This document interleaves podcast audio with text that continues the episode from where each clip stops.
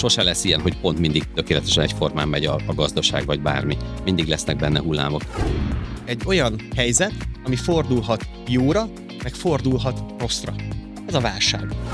Pazarolják a cégek az erőforrásaikat, mert a van naponta 500 látogatóm, az egy erőforrás. Van egy 5000 fős hírlevél listám, az egy erőforrás mindig nézem a munkatársak elégedettségét. Nagyon-nagyon fontos, mert ez határozza meg a jövőjét a cégnek.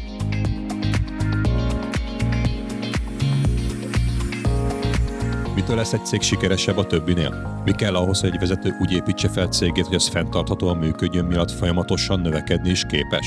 Vagy éppen ahhoz, hogy egy vágyott szint elérését követően a vállalkozás magabiztos lábakon álljon, akár nélküle is?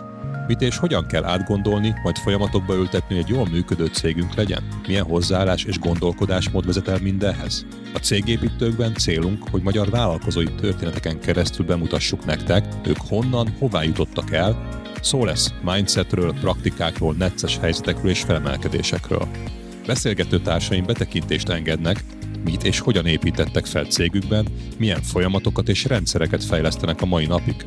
Na és persze, hogy ezeknek milyen eredménye van a vállalkozásukban.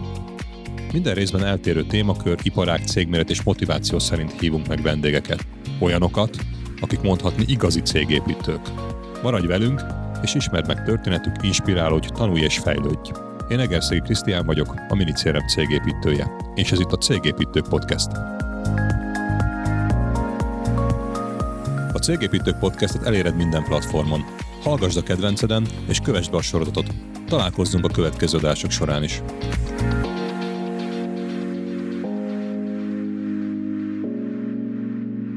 Jó reggelt, sziasztok, üdvözlök mindenkit a Cégépítők második élő podcast felvételén. Két vendégemmel vagyok itt, nagyon örülök, hogy elfogadták a meghívásomat Biros Levente, az online márkaboltok alapítója, és Surányi Feri, Nehéz lesz itt kimondani. Webáruházra köthető mesterséges intelligencia szoftver alapítója. Jó? Köszönöm szépen. Oké, okay, sikerült akkor jól mondanom.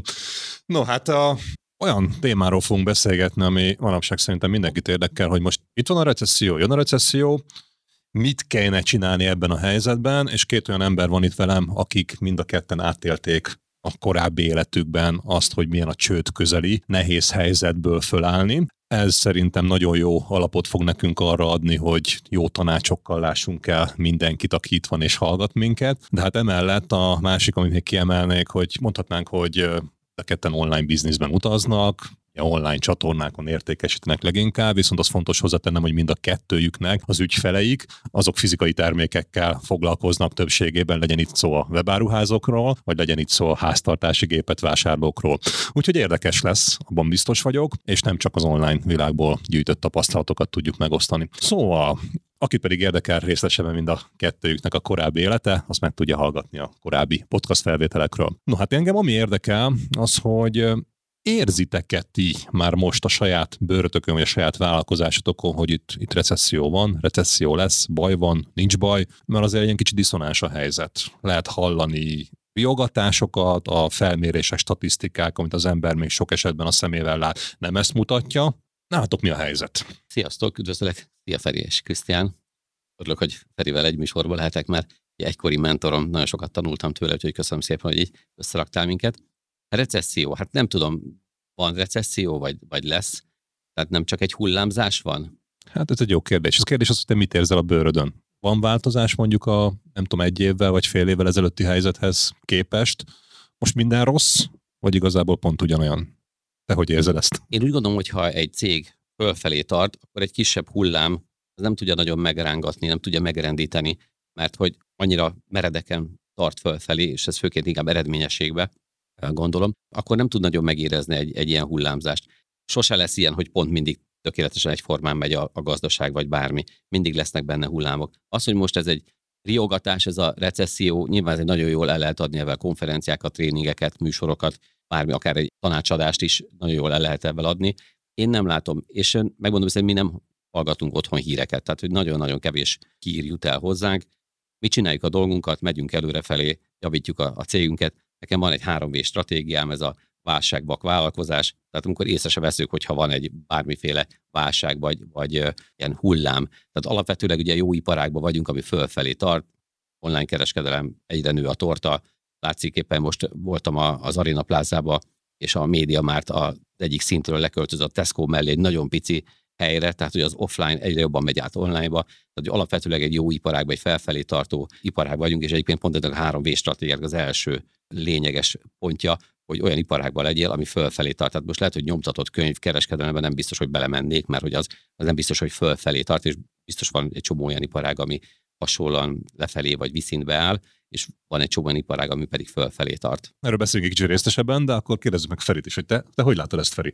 Nálad mi Ugye, a helyzet? Ugye mi a kérdés, hogy van-e válság? Én elég ilyen, én alaposan szoktam megvizsgálni egy-egy kérdést, és uh, én megnéztem nem olyan régen, hogy mit jelent az a szó, hogy válság. No. És most fejből fogom idézni neked, úgyhogy lehet, hogy nem lesz pontos, de a Wikipédián valami olyasmit olvastam, hogy egy olyan helyzet, ami fordulhat jóra, meg fordulhat rosszra. Ez a válság.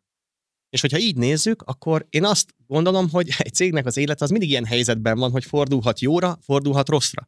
Oké, minek következtében fordulhat jóra, vagy fordulhat rosszra, és akkor itt lehet mondani, hogy a gazdasági helyzet, hogy a, a, a dollárnak az árfolyama, hogy a háború, hogy az infláció, hogy a, hm, de egyébként a cégednek a jövője, a megélhetése a családodnak, az kitől függ? Hát tőled. És az, hogy a cég jó helyzetben lesz, vagy rossz helyzetben, én azt gondolom, hogy egyetlen egy embertől függ, egyetlen egy szereplőtől függ, az pedig tőled. Képes vagy-e reagálni az adott helyzetre? Helyzet van-e? Azt gondolom, hogy igen, helyzet van. Ugye mi webáruházakkal dolgozunk. Nagyon-nagyon sok webáruháznak a, a statisztikáit látjuk. Például február 24-e, ugyankor kitört a szomszédban a háború, akkor február 24-én a látogatói számok azok nem változtak a webáruházakban, viszont a konverziós képesség átlagban a rengeteg iparágat összesítve kb. a felére csökkent. Tehát azon a napon, amikor kitört a háború, akkor az emberek ugyanúgy nézték az oldalakat, meg ugyanúgy használták a netet, de a konverziós képesség leesett a felére. Jött a különböző bejelentés, hogy megszüntetjük a katát, hogy emelkednek a rezsijárak, hogy stb. És egyetértve Leventével, nálunk a családban ki van tiltva a családban, hogy a tévé menjen. Tehát nem, nem, mi nem tévézünk egyáltalán, híreket meg végképp nem nézünk, nincs erre semmi reakció, minek foglalkozzak vele. Én, nekem a saját életemmel kell foglalkoznom, Viszont, ha megnézem ezeket a konverziós mutatókat a webáruházaknál, akkor lehet látni, hogy mikor voltak ezek a bejelentések. Az emberek erre reagálnak. Még egy dolog, nagyon a statisztikáknak a híve vagyok. A cégemben nagyon sok statisztika, statisztikát elemzünk, figyeljük, hogy merre megy a, a vállalkozásunk, mi működik jól, mi működik rosszul. És egy nagyon-nagyon meg, megdöbbentő statisztikát nektek hadd mutassak. Először egy rossz verziót fogok mondani, aztán pedig egy jó verziót fogok mondani.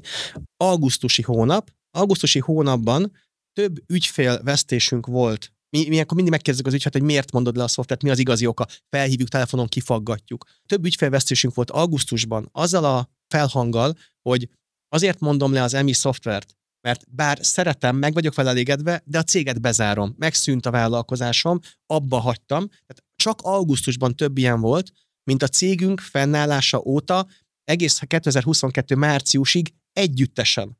Tehát az 7 év. Tehát 7 év alatt kevesebben mondták le ezzel a felhanggal. Van-e válság, van-e helyzet?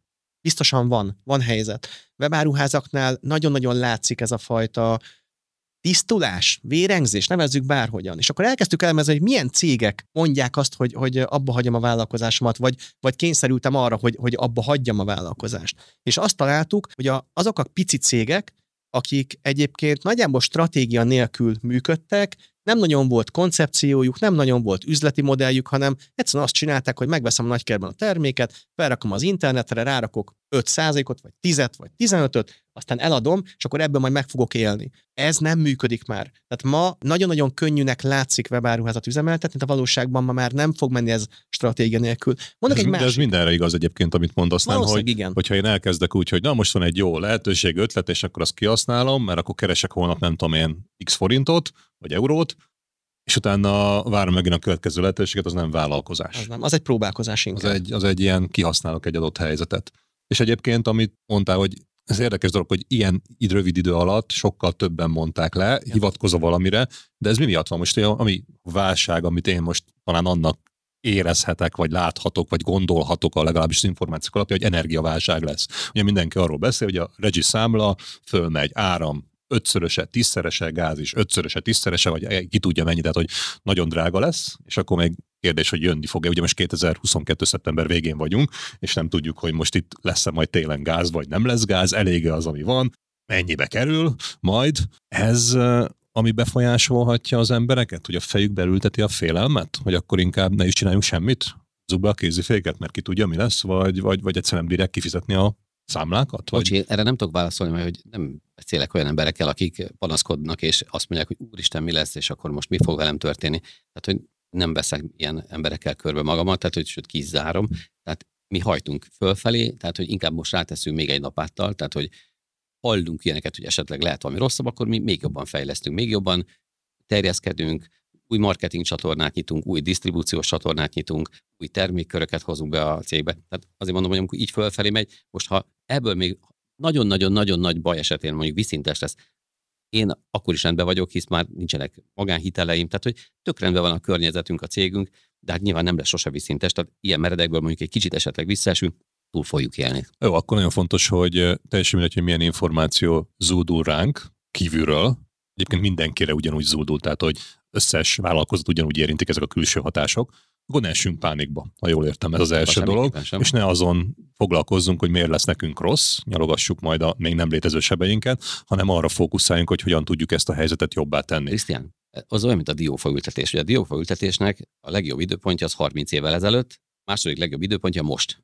Tehát ha nincs rendben a céged, nincs stratégiája, hogy a Feri mondta, nincsen egy olyan csapat mögött, egy olyan kiváló csapat, ami, ami csúcsba tudja repíteni, akkor most el kell kezdeni ezt csinálni, mert most lehet itt tüzet oltani meg minden. Nem, ezt most el kell kezdeni, olyan csapatot felépíteni a cégbe, olyan gondolkodásmódot átvenni a, a vállalkozónak, olyan stratégiát, ami a 3B stratégia, amit összegyűjtöttem, kifejezetten arról szól, hogy hogy lehet kiváló céget csinálni manapság már kevés a jó cég, vagy kevés, hogyha jó céged van, kiváló cég kell, mert az így megy fölfelé, és az megrángatja egy bármiféle hullámzás, vagy válság, vagy bármi, akkor nem, nem fog beledőlni. Nekem is ugye Értem. az volt a bajom, hogy amikor 2009-ben közel álltam a tönkremetelhez, ugye mínusz 40 millió volt így a, a teljes vagyonom, az azért tudott engem nagyon megrángatni, mert hogy még jó se volt a cégem. Tehát, hogy kifejezetten rossz cégem volt, ami ilyen áthok módon működött, ahogy a Ferinek ezek a partnerei, akik visszamondták a partnerséget, pont ilyen volt az én cégem, és jött egy probléma, azonnal bedöltem, azonnal. Most meg mosolygok. Magyarul ott van az a nagyon összhang kettőtök között, és Feri ezt kimondta, hogy csak tőled függ. És te most ugyanezt mondod, hogy ha hagyod külső tényezőktől befolyáson, és persze van, hogy ki kell fizetni egy számlát, meg, meg reagálni kell ezekre a dolgokra, de nem szabad befolyásolni magad, mert te tőled függ a vállalkozásod jövője, és neked elmondtad, ez, ez egy irány van fölfelé. Felelősségvállalás. Mert, mert ezt tűzted ki célul, pont, és nem tudsz másban Nincs más létezni. Irány. Tehát ugye ami stagnál, az hanyatlik, tehát hogy ilyen nincsen, tehát hogy csak fölfelé lehet. Értem. Menni. És Feri, te mondtad, hogy akkor tőled függ. Itt, amit még esetleg hozzátennék, hogy van-e válság, stb. Azért azt látjuk, hogy sok cégnek most nehezebb. Ez válság vagy ne, az most teljesen mindegy. És azt is még látjuk, hogy ugye a statisztikákat figyeljük folyamatosan. Az, hogy amikor a látogatószám a web, web, webshopoknál változatlan, de a hatékonyság, tehát a, ugye a konverzió, az az értékesítési hatékonyság leesik a felére néhány órára vagy egy-két napra, és abból látjuk, hogy oké, okay, ott volt egy kormányzati bejelentés, vagy, vagy volt valami megrendítő hír, ilyesmi, ez mit jelent? Azt jelenti, hogy az emberekre ez hatással van. Hogyha egy olyan cégünk van, mint ugye, amit a Levente már felépített, ami így megy fölfele, akkor emögött ott van a, a 10-20-30 évnyi munka, meg a rengeteg szívás, meg a rengeteg pofáresés. Pofáresés, köszönöm. Mert rengeteg munka és rengeteg fejlesztés, talán ez a legjobb szó, hogy fejlesztés, nem annyira munka, nem fejlesztés. Viszont, hogyha ja, a diófánkat nem ültettük el 20 évvel ezelőtt, akkor ma kell elültetnünk, akkor ma azt látnunk kell, hogy ma erre valahogyan reagálni kell. És ma erre én azt látom, hogy kétféle reakció van. Az egyik reakció az, aki behúzza a kéziféket, és azt mondja, hogy oké, okay, nem megy a biznisz, felezem a marketing költséget, elküldött néhány munkatársat, stb. stb. Vagy éppen még ez se, és akkor megvárja, amíg a NAV leinkasszálja az összes pénzt a számlájáról, és akkor teljesen tönkre megy. Ez most nem egy kitalált példa volt a, a, az elmúlt néhány nap ilyen ügyféllel való kommunikációnkból, hogy, hogy így mentünk rá, hogy hát leinkasztáltak mindent, már árut sem tudok venni, vége van. Feltette a kezét, és akkor megy vele. Egyébként itt egy zárójel nyílik. Ez szomorú híre. Hát, szomorú. Mert ez az ember nehéz helyzetbe kerül. De szerintem nem ez a baj, hanem az a baj, hogy ennek az embernek van egy családja is. És az a család is ettől a cégtől függött. És én, én ezt látom rendkívül szomorúnak. hogy meg alkalmazotta is. Meg alkalmazotta is, akár esetleg. Zárójel bezárva.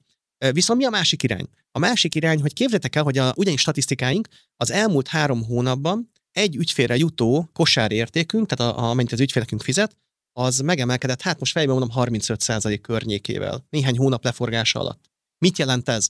azt jelenti, hogy nagy ügyfelek jöttek be hozzánk. Néhány ügyfel, akiről beszélhetek, és talán, talán hasznos lehet. Játéksziget, Milwaukee, szerelvénybolt.hu, ezek mind ugye nagyon, nagy, nagyon komoly cégek. Ezek a cégek, és most nem, nem ezekről a cégekről beszélek, hanem a nagyobb cégek is érzik, hogy reagálni kell. És ezek a, a cégek most hogyan reagálnak? Innoválnak. És azt gondolom, hogy van-e válság, vagy nincs válság, a fene tudja.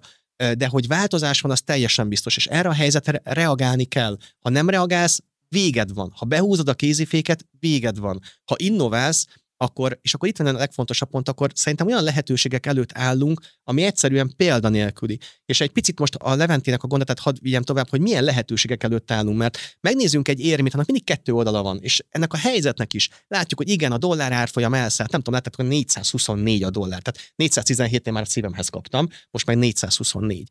A gázár, sok mindent tudunk mondani. Oké, de van ennek egy jó vetülete. És a helyzet az, hogy van. Ma a webáruházak előtt, ugye én webáruházakról tudok beszélni, mert ezekkel dolgozom, ezekkel kelek, ezekkel fekszek. Ma, ma a webáruházak előtt akkora lehetőség áll, amekkora a rendszerváltás óta nem volt. Mert az, hogy gyengül a forint, az innen nézve rossz hír. De ha úgy nézem, hogy mi lenne, hogyha exportálnék, akkor az viszont egy hihetetlenül jó lehetőség. És például mi most megkérdettük az ügyfeleinknek egy olyan programot, hogy segítünk neked külföldi piacokra, környező országokba lépni, mert kiszámoltuk ügyfeleinkkel, kb. 30 cégvezetővel ültem egy teremben, fél napot azon dolgoztunk, hogy számoljuk hogy mi lenne, ha külföldi piacra lépnél, és a 30 cégvezetőből 30 cégvezető így tátott szája számolta ki az eredményeket, és nézte, hogy de jó Isten, mi a fenét keresek én még Magyarországon? Mert az, hogy a forint gyengül, ami egy rossz hír, ugye most, eh, hogyha így nézzük, az egy fantasztikusan jó lehetőség. Tehát minden rossz lehetőség az valamilyen szempontból egy hihetetlen üzleti potenciál.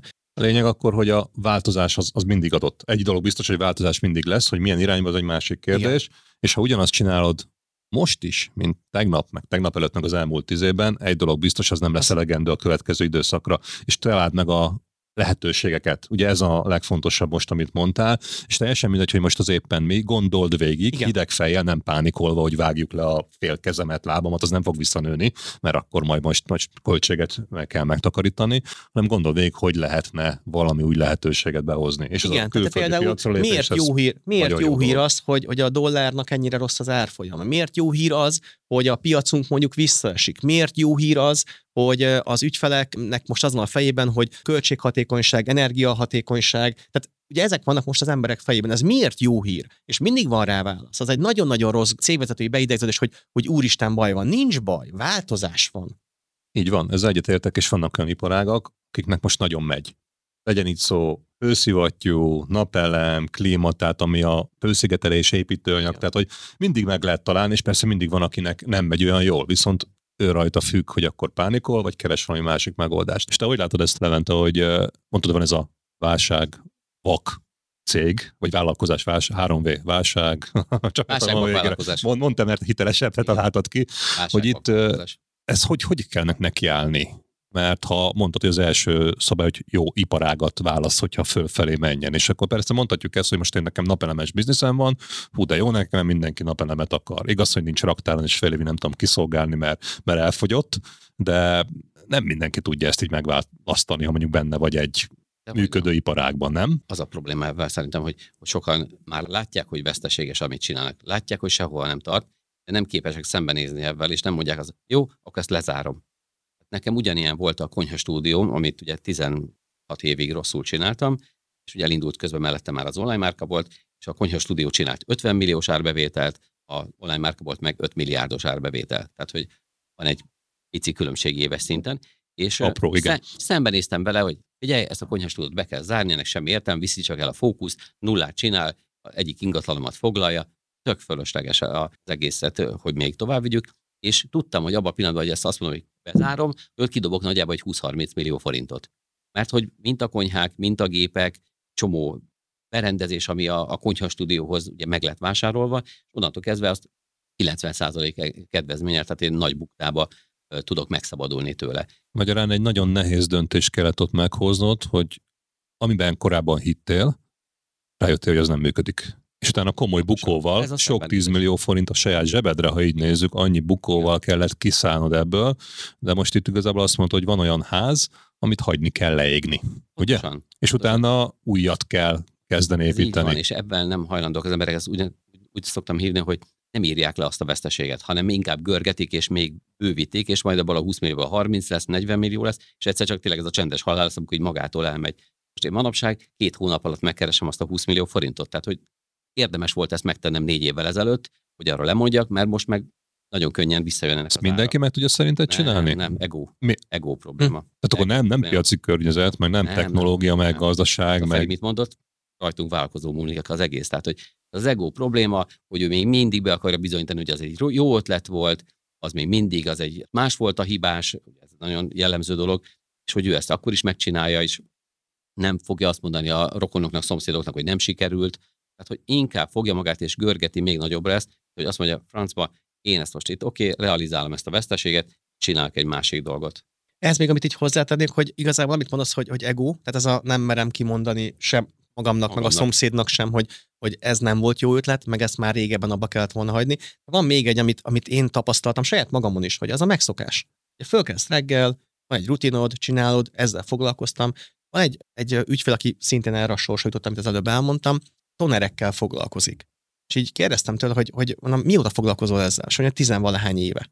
Hogyan alakul a piacod az elmúlt öt évben, hogyan alakult? És mondja, hogy hát a piac folyamatosan szűkül. Tehát még egyszer, 5-8 éve látja, szűkül a piac folyamatosan.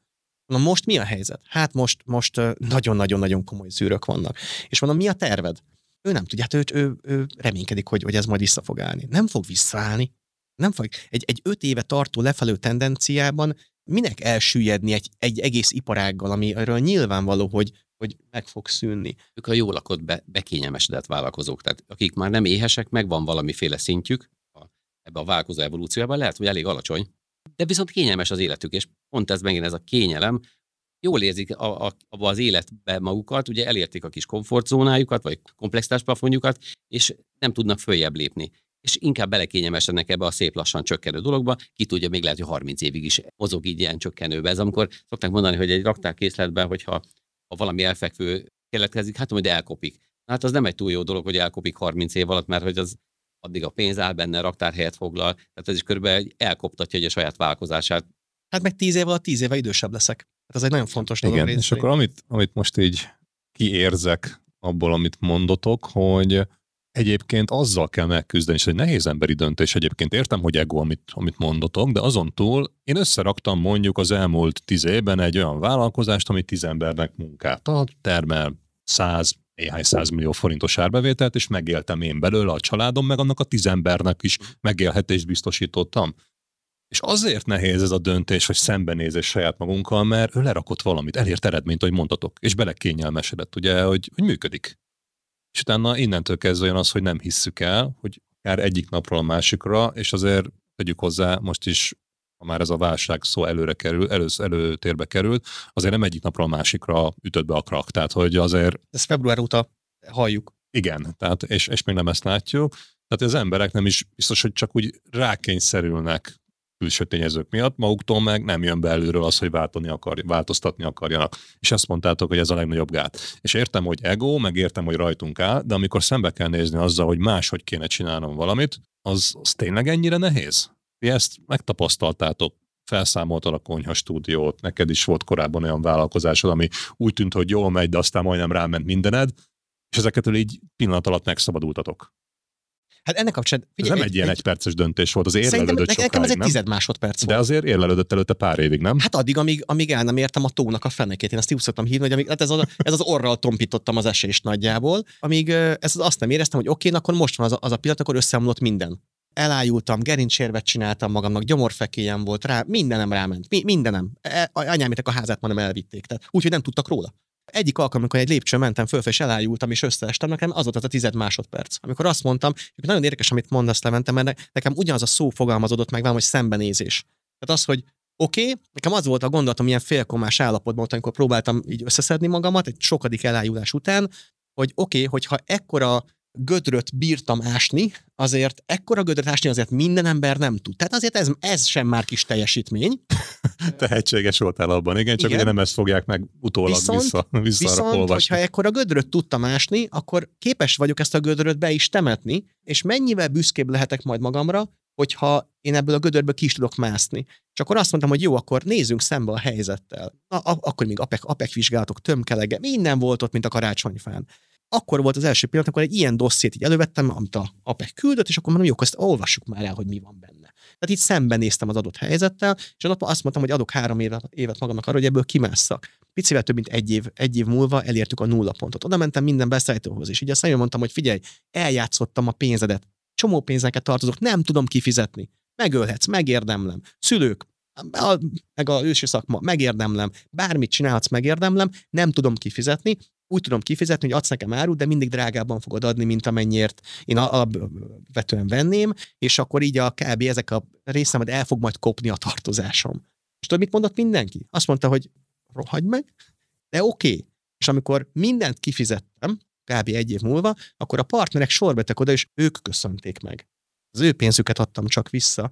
Ez a szembenézés. Tehát abban a helyzetben, amiben most vagy, ből egyetlen egy ember tud kivakarni, az pedig te magad vagy. Szembe kell nézni a helyzettel. Eddig foglalkoztam tonerekkel? Oké, akkor most mi megy? Foglalkozok akkor napelemmel. Mennyi idő kell, hogy beletanuljak abba, hogy, hogy a napelemeket hogyan kell forgalmazni? Szerintem, ha nekiállnánk két nap múlva, magyarországi szakértői gárda mondjuk felső 10%-ába be tudnánk tanulni magunkat, ha elkezdünk ezzel foglalkozni, úgyhogy már merjek valamit mondani róla. De oké, nem napelem, akkor mi lenne, ha mondjuk a külföldi piacra lépnénk, a környező országokba? Ez ilyen könnyű. Tehát ma már minden adott ahhoz, hogy, hogy nem, nem tudok idegen nyelvet. Nem is kell. Oké, de nem tudom, hogy hogyan kell külföldön értékesíteni. Mi lenne rászállnál egy órát? És akkor utána járna. Megkérdezed a könyvelőt, kedves könyvelő, mit kell? Csinálj valamit másként. Az, amit tegnap csináltál és működött, és ma nyilvánvalóan nem működik, akkor egóból, meg megszokásból, de nem csináljuk tovább, mert az, hogy a saját életeddel játszol, az egy dolog, az a tied. De ha a családoddal is játszol, szerintem az már nem korrekt. Saját magadnak kell meghozni a döntést, de van egy csomó ember, akinek ez nem sikerül. Ugye Levente, neked van a szemléletváltó csoportod, ahol meg tudtok ebben segíteni egyébként, hogyha valaki egyedül nem tudja megvívni ezt a küzdelmet, akkor nincs egyedül. És itt tudtok tippeket, irányokat adni, segíteni abban, hogy hogyan tudjanak tovább lépni. És gondolom ebből született meg ez a három v modell is. Alapvetőleg ugye a legtöbb ember ez a nem tudja, hogy nem tudjába van. Hát ez azt jelenti, amikor az alkoholista azt mondja, hogy én nem vagyok alkoholista. Tehát oda, ez nem lehet javítani rajta, nem lehet segíteni neki. Ugye a Feri, és ez pont a szembenézés, ugye ott tudott előrébb lépni, amikor megtette azt a lépést, hogy tudom, hogy nem tudom. Tudom, hogy baj van. Tudom, hogy akkor ezzel javítani kell. És ez egy, ez egy hatalmas nagy előrelépés, hogyha ezt valaki megteszi. Szerencsére egyébként, akik a szemléletvált, szemléletváltóba jönnek vállalkozók, most már nagyjából 500 mentoráltam van, azok azért pontosan, hogy tudják, hogy nem tudják, és ezért kérnek ugye segítséget. Amit én észrevettem, hogy nem tudják a vállalkozók, hogy van följebb. Tehát meg vannak győződve, hogy, a, ha valaki a vállalkozásában saját maga dolgozik, és mondjuk asztalos, és, és kimegy egy, egy munkatársával, és konyhákat szerel össze, ezt sem tudják képzelni, hogy van följebb való vállalkozási korszak vagy szint. Ezért készült el ez a vállalkozó evolúció, amit egyébként adtam is nektek, ami kilenc korszakból áll, tehát, és egyben az alkalmazotti ügyeskedő, és jön a mindenes, jellemzően egyébként mindenki a mindenesben, legalábbis a tesztjeink alapján a mindenesben van a legtöbb magyar vállalkozó, és magyar ő csinál mindent, tudjátok, pénzügyezik, bevőt szerez, saját maga termelés nyilván, akkor mit a, ő az ügyfélszolgálat is. Emlékszel, Feri, nem, Feri mondta egyszer, hogy három telefon lógott a nyakába nyaralás alatt. Tehát, hogy minden ő. Ez ugye a mindenes, és itt ragadnak be. És a mi üzenetünk a szemletváltóba, nem maradja a céged mindenese. Itt mutatjuk meg, hogy igenis van egy szervező, vezető, befektető, és a legmagasabb szint, ugye amikor már az ember segít másnak, tehát hogy ez a amikor már visszaad a világnak. Ez tök jó egyébként, az alsó szint egyébként ez három szintből áll. Az elsőnél az ember keresi a pénzt, a másodikban csinálja a pénzt, a harmadikban fönn megkölti. Vagány dolog, tehát hogy én imádom költeni egyébként. Oké, okay, de akkor nézzük el, hogy hogy lehet mondjuk ezen a lépcsőkön vagy szinteken előrefelé menni. Korszak. Hogy, hogy korszak, korszakváltással, de mondjuk mit javasolnál valakinek, értem, mindenes az ember, van rajta nyolc sapka, mindennel is foglalkozik a cégében, emiatt soha nincs semmire ideje, és ez a legjobb kifogás, hogy hát nem érünk rá hát arra, mert meg néha aludnom is kell. Tehát egyszer hozza meg a döntést. Okay. Mi, nekem az a dolgom, hogy megmutassam egyáltalán, hogy van más, mert mondom, alapvetőleg az a probléma, el se tudja képzelni, hogy egy, egy asztalos vállalkozás, vagy egy IT-s vállalkozás, vagy bármilyen vállalkozás lehet úgy csinálni, hogy nem ő csinál mindent. És nyilván az első dolog, hogy megbízzon valakibe. Tehát, hogy mondjuk az első, hogy legyen egy adminisztrátora, hogy legalább az adminisztrációval ne kelljen foglalkozni, mert ugye általában egy vállalkozó ezt utálja a legjobban. Tehát, hogy megbízzon valakibe, hogy az valaki legalább egy 90%-os olyan minőségben meg fogja csinálni, ahhoz képest, mint ő, mondjuk 90% minőségbe. És ez egy bizalom kell. És itt, itt már ez, amit az elsőként szerintem kell adnom egy vállalkozónak, hogy ezt a bizalmat adja meg a munkatársának, és még azt is viselje el, hogyha hibázni fog. Nyilván, hogyha ugyanazt valaki kétszer-háromszor elköveti, akkor már ugye az beleszarás, de hogy az, az nem baj, hogyha egyszer-egyszer hibázik valaki, hisz akkor próbálkozik legalább. Én nagyon szeretem egyébként az olyan kollégákat, akik hibáznak, mert az biztos, hogy valamit elkezd variálni, próbálni, és, és próbál javítani a dolgokon. Aki nem hibázik, tudjátok, az mindig csak a biztonságos zónában marad, attól nem lesz jobb a cég. Jó, tehát a lényeg az, hogy meg kell mutatni a vállalkozóknak, és nyilván ez a szemletváltó pont a neve is arról szól, szemletváltást kell adni a vállalkozókba, hogy kell bánni munkatársakkal, milyen stratégiád legyen, hogy a pénzzel, ne keverd össze, hogy a Feri is mondta a cégpénzt a, a magánpénzzel, hogy ez alapvető a mindenesnél, hogy tök összekeveri, tehát hogy veszi ki a, a kasszából, és nem is nézi, hogy most majd a könyvelő megoldja, hogy hogy legyen. Tehát egy teljes szemletváltás kell az emberek fejébe, hogy ez a korszakváltás meg ö, eredményezzen. És van még egy korszak, amikor egy vállalkozó nem már akadályozza a cégét, ez nagyon-nagyon jellemző, én például ilyen vagyok. Én azért szálltam ki a cégeből, azért vonultam háttérbe, hogy én 11 napot dolgozok egy évbe a cégbe, mert hogy én már akadályoztam a cégemet. Az én cégem egy tankhajó, ami megy előre felé, mint az állat, hogyha én vállalkozóként egy kicsit rángatom egy a kormányt, hogy itt kis ötlet, kis ötlet, kis ötlet ide, mindenhol egy ötlet, akkor az baromira lassú lesz. Azt a tankhajót hagyni kell egy vezetőnek, egy üzemeltetőnek működni, csinálni, és az én ötleteimet amikor oda megyek, az a vezető szépen így lelassítja, megszűri, optimalizálja, priorizálja, és úgy engedi be a cégbe. És viszi tovább, hogy menjen előre, és ne álljon meg véletlenül se. Értem. Na, ezek fontos dolgok, amikről beszéltetek, legalábbis beszéljünk egy kicsit valami konkrétumokról, hogy mit javaslunk azoknak a cégeknek, akik hasonló helyzetben vannak, mint mi. Ugye? Kérdés, hogy ki hogy fogja fel, hogy ez most recesszió, vagy nehéz, vagy nem. De ti mit csináltok ebben a helyzetben? Van-e olyan hadd, dolog, hadd ami... Kezdjem. Oké, okay, kezdjem, okay, mert Feri. ez a kikívánkozik belőlem. No. Kettő dolog, amit mi is csináltunk. Nálunk március óta van egy olyan szó a cégben, ami most ilyen szent grál. Tehát nálunk, nálunk ez a szó, ami mindent meghatároz. Nem stratégiánk, de mindenféleképp egy hosszabb távú taktikai lépésnek a, az eredménye, az pedig a pazarlás. Hogy hagyjuk abba a pazarló üzemmódot. E, most ez mit jelent, hogy eddig nem foglalkoztok példát. semmivel? Nem Hát nem, volt nem, pénz nem, nem. lóvéra? Nem, nem, nem, nem erről szól. Ha a cégedben nem foglalkozol azzal, hogy rendkívül költséghatékonyan menjenek a folyamatok, akkor garantáltan pazarló üzemmódban vagy, ez száz százalék. És ha még oda is figyelsz rá, akkor a kérdés az, hogy maximális odafigyeltél rá, mert ha nem, akkor száz százalék, hogy pazarló üzemmódban vagy. És nálunk például a költségeinknek az egyik legjelentősebb része, az például a szerverköltség. Szerverköltség, e-mail küldésnek a költsége, meg még néhány olyan dolog, amit, amit néha még én magam sem biztos, hogy értek ráálltunk arra, hogy oké, nálunk azok a fejlesztések, hogy ezeket a pazarló részeket, ezeket megszüntessük. Viszont kétféleképpen lehet pazarolni, lehet pazarolni így az erőforrást, így, hogy oké, egy, egy konkrét cég esetében ez mit jelent, még egy kereskedő cég esetében, hogy például mondjuk pazarló módon szerzem be az árut. Hogyan lehet pazarló módon beszerezni az árut? Á, drágán veszem. Itt egy kérdés. Az elmúlt egy hónapban hány beszállítóddal beszéltél, hogy kedvezményt kérjél tőle valamilyen megfelelő alkú keretében? az a szám kisebb, mint a teljes beszállítói gárdának a 20%-a, akkor garantáltan pazarló üzemmódban vagy. Mert mindig van egy jobb ajánlat. Figyelj, ha előre kifizetem, van egy alapelvem. A nem, az egy burkolt igen. Az csak annyit, hogy nem tettem fel még elégszer a kérdést. Tehát megkérdezem a beszállítomat, hogy figyelj, nem tudnád nekem ezt olcsóban adni? Nem. Oké, akkor ez egy burkolt, igen, csak még beszélgetni kell róla. Oké, ha előre kifizetném, akkor adnál olcsóbban, ha nagyobb mennyiségben vásárolnék, adnál olcsóbban, hogyha az álló raktárkészletet megvenném, adnád olcsóbban. Tehát, hogy, hogy ezek. Ebből az fontos, amit mondasz, hogy nem az van, hogy eddig kaptam valamit 100%-on, és holnaptól ugyanazt ugyanolyan feltételekkel szeretném 90%-on kapni, amit elmondtál. Egy fontos dolog, hogy te konstruktívan állsz hozzá, hogy kérsz is, de adsz is. Igen. Tehát nem csak egy egyoldalú beszélgetésbe megyünk bele, ennek van értelme, pláne egy olyan időszakban, amikor most infláció gerjeszti folyamatosan az áremeléseket. Igen, abszolút. Tehát ez a része. Oké, következő. Mikor beszélted utoljára a bankoddal, hogy a, a banki költségeket megnéz. És akkor erre mindenki ugyanazt mondja, hogy százból száz cégvezető, hogy jó, a banki költségem az elhanyagolható. Na innen tudom, hogy nem nézte meg. Mert a banki költség az minden csak nem elhanyagolható, csak el van bújtatva.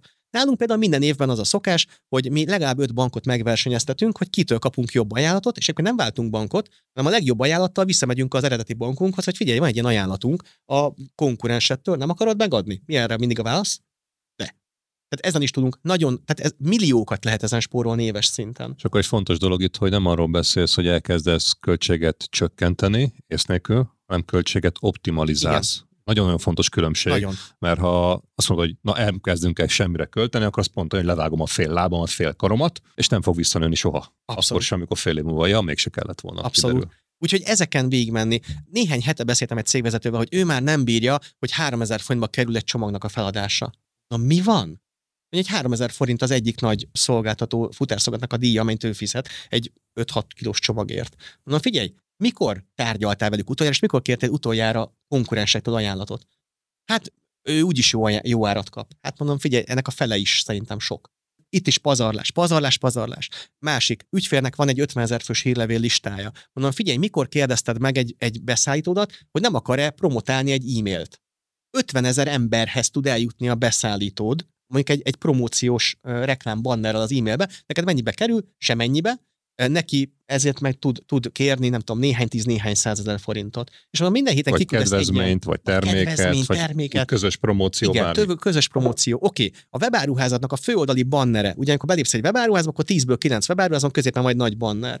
Ha ezt hőtérképes elemzésen megnéznénk, hogy hányan kattintanak rá, akkor rájönnének a cégvezetők, hogy annak PR értéke van, minden más pedig nagyjából nulla. Tehát nem nagyon van annak igazi sales értéke, tehát ami, ami generálná a bevételt. Oké, add el a, a beszállítóidnak. Nem akarod ezt a hetet megpromotálni úgy, hogy a te logód lenne kint, meg a te ajánlatod, és akkor neked nyitnénk egy. Tehát, hogy pazarolják a cégek az erőforrásaikat, mert a van naponta 500 látogatóm, az egy, az egy erőforrás. Van egy 5000 fős hírlevél listám, az egy erőforrás. Van egy cégem, aminek van egy üzlethelysége, és van egy nagy fal, ami előtt elmegy naponta 50 ezer autó, az egy erőforrás. Miért nem adod el mondjuk a beszállítóidnak, hogy kirakhatsz egy molinót, vagy akárki másnak, teljesen mindegy. Az, hogy a teherautódnak az oldala fehér színű, az egy erőforrás. Miért nem rakod ki a saját cégednek a logóját? Vagy a beszállítóidnak a márkát, és azt mondod, hogy, hogy kérek azért, nem tudom, 10 ezer forintot, tök mindegy, ezek mind erőforrások. A cége pólódnak a hátulja, az egy erőforrás. Amit mondasz, ugye nagyon fontos, hogy pazarlást valószínűleg sokan máshogy értik, mint Én erre te gondolok.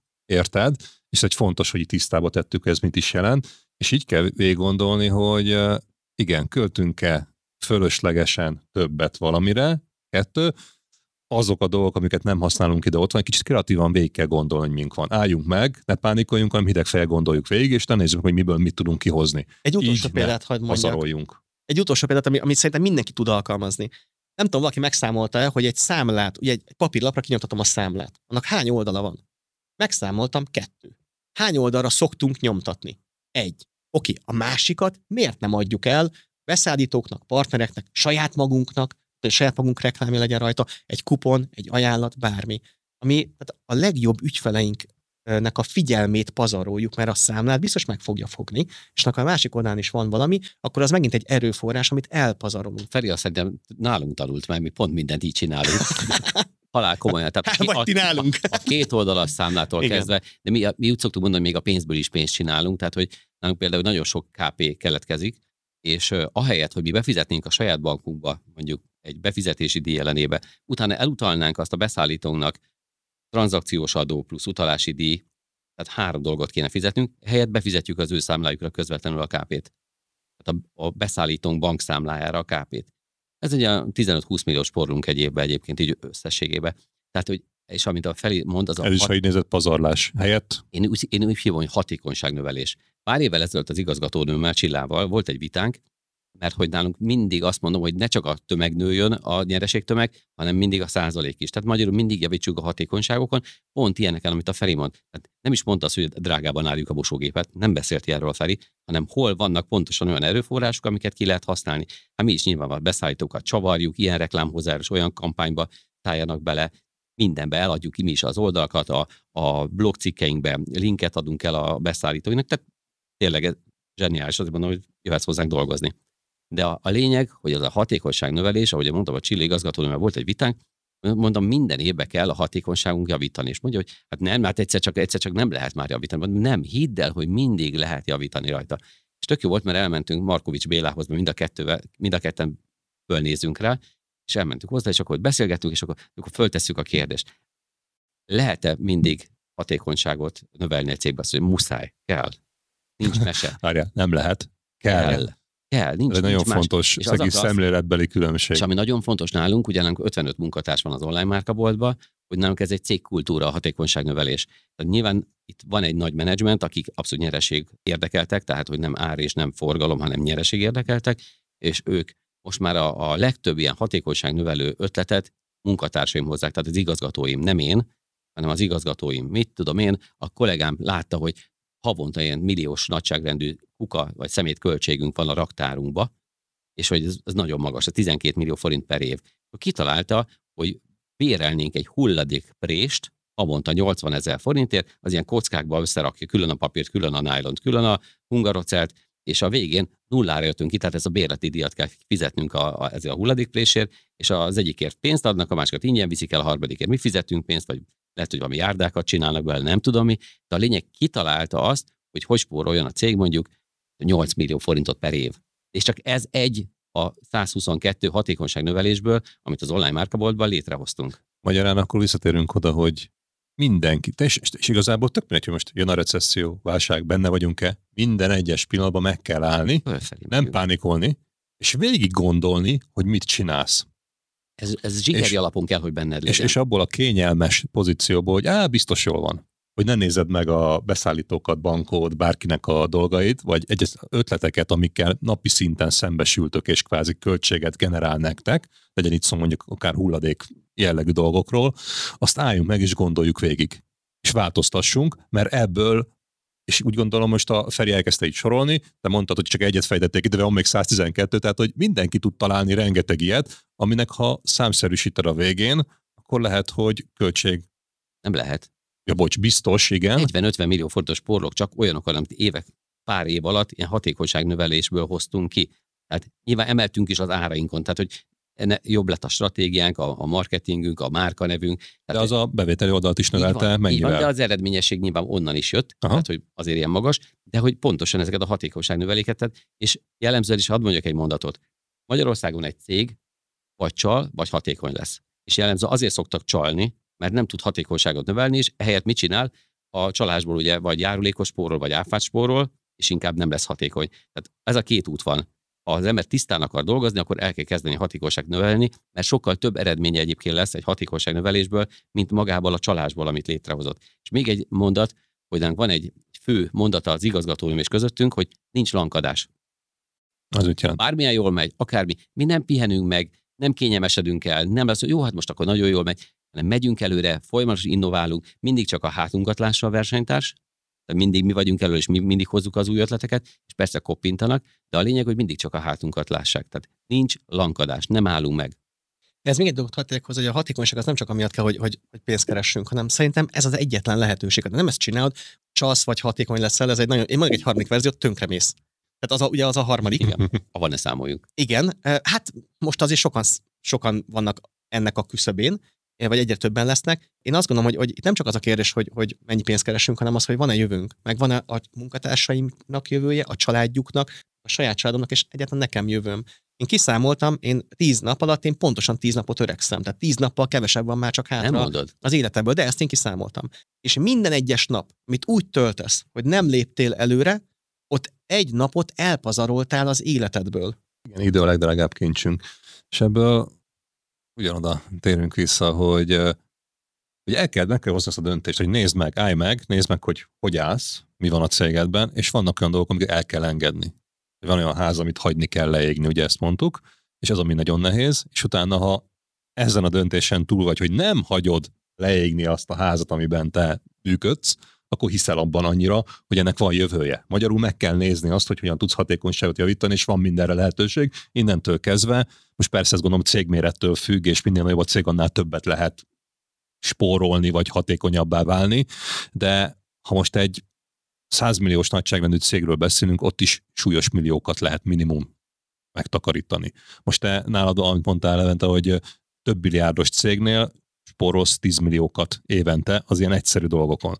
És az is azért működik, mert megadod a lehetőséget a kollégáidnak, hogy jöjjenek az ötletekkel, amiket te nem elkaszálsz, és ott nem is szólsz bele, mert mondod, hogy te lennél a mondani, gátja a úgy szoktam mondani, hogy átadom a sikert nekik. Tehát, hogy Aha. nekem nem zavar, hogyha ők sikeresnek érzik magukat, és sikeresek is, hiszen ha minden munkatársam sikeres a cégbe, ki a legsikeresebb?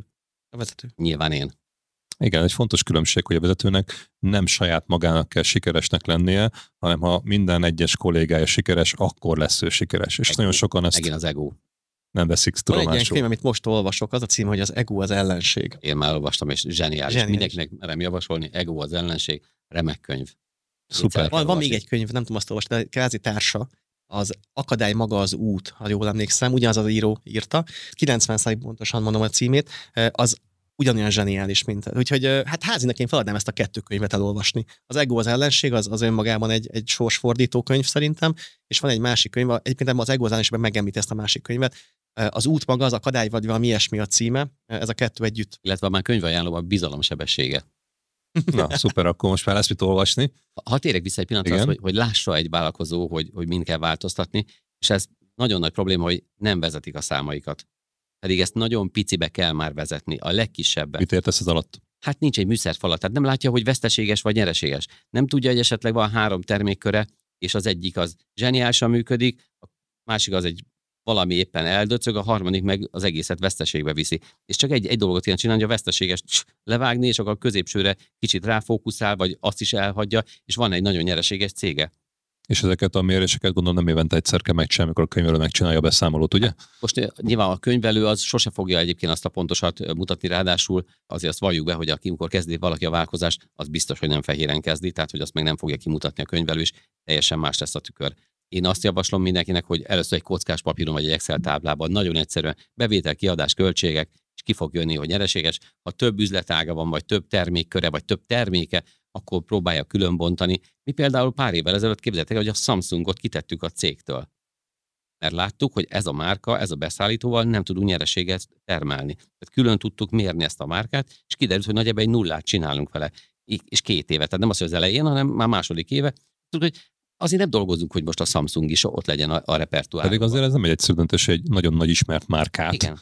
Azt mondod, hogy hát bocs, akkor veletek Hát nem dolgozunk mi, tovább. Mi KKV-k vagyunk, tehát mi mindenből keresni akarunk, és ez, ez megint egy fontos dolog, hogy, hogy még egy multinak lehet az a stratégiája, hogy valamin bukik, csomó terméken, és ami az behoz vala, KKV-nak mindenen kell keresnie. Tehát hagyja a francba az ember, hogyha van egy rossz üzletága, egy rossz boltja, ugye van mint négy-öt boltja, abból egy kettő rossz, be kell zárni. Vagy van egy rossz termékköre, vagy van egy rossz terméke, vagy egy rossz stratégiája is. Nekünk például több webáruházunk van, tehát hogy van egy online márkaboltos stratégia, van egy bpraktár.hu stratégia, van, van most már egy online mintabolt stratégia. Ego nélkül bezárnám, hogyha valamelyik nem hozna nyereséget. Tehát Még az- akkor is, hogy te találtad mondjuk ki annó? simán. Ne Mert ez egy nagyon nagy Ja. kihívás, ugye, hogy az én gyerekem, én szültem, én találtam ki, és Nem Nem a gyereked. A céged nem a gyereked. Ez így van. Ez egy nagyon fontos. fontos. Ő csak, egy céged, nem a gyereked. ő csak egy eszköz ahhoz, hogy olyan boldog életet éljünk, amilyet szeretnénk. Az csak egy eszköz. És ez megint egy nagyon jó dolog, amit felhoztál, és azt hozta már ezt a témát. Ez egy nagyon nagy hiba, amikor valaki bemegy a raktárába, és akkor elalél attól, hogy amit lát, és akkor fölül a targoncára, és akkor vezet. Nem. Tehát a cég az valóban az csak egy eszköz ahhoz, és van egy ilyen kérdés, amit szoktam a szemletváltósoknak föltenni, vállalkozóknak, hogy te mibe vagy szerelmes, a cégedbe, vagy a saját életedbe? Ez rohadt fontos. Mert a cég csak ahhoz eszköz, hogy egy csodálatos, boldog életed legyen, családoddal tudjál tölteni, a hobbiaidat meg tudjad élni, hogy körbeutazd a világot, hogy legyen én időd, hogy mindenbe szabadságod legyen. Tehát pont ugye ez a felső sor, amit mondtam a vállalkozó evolúciójában, az a szabadságról szól, és ez nem, idő, nem csak időbeli, hanem gondolkodásmód, hogy például ilyen sira, sirató vagy siralmas embereket hallgatni. Akár területi, tehát hogy akár te egy másik vilá- or- országba is tudjál élni, és onnan élvezd az életedet. Tehát, hogy mindenféle ilyen szabadságra gondolok, amikor, ahova érdemes elérni egy vállalkozónak. Igen, ezek, ezek nagyon magas dolgok már így, ha belegondolsz, mert gondolom mindenki azt válaszolja, hogy a saját életébe szerelmes, az közben a cégébe. Nem. Ez a valóság. hát, Vagy beismerik, hogy a cégükbe és a saját magukkal nem foglalkoznak? Mi a tapasztalat ebben? Ez egy provizórikus kérdés, nem arról van szó, hogy most válaszoljon valaki erre, hanem hogy gondolkodjon el rajta. Mert igen, látom sokan, hogy annyira büszkék a cégükre, hogy mindenről leveszik a fókuszt, csak a cégükön van, és elmegy mellettük az élet. Ezt pont egyébként a, a Hovány Marci mesélte, egy, egy, pont egy előadásba, hogy azt vette észre, hogy itt van most már ő 60 nem tudom hány éves, és hogy nem élt. Nem élt, mert csak a cégének élt. Pedig a fejében gondolom teljesen más volt erről, nem? És közben ez Nem volt tudom. a valóság, és ezt fel kell, hogy is nyíljon a saját szemünk erre. Értem, és mondtad, hogy mérni kell, látni kell, kezdjük el, gondolom már nem Excelben, meg kockás papíron vezetitek ezeket a Egy nagyon nyilvántartásokat. műszerfalunk, vagy nagyon komoly műszerfalunk van, egy egész saját gondolkodással, tehát nem mindig azt mondom, hogy a könyvelés az, az egy ilyen, az a NAV-nak megfelelésre van. Tehát az egy, az egy más dolog.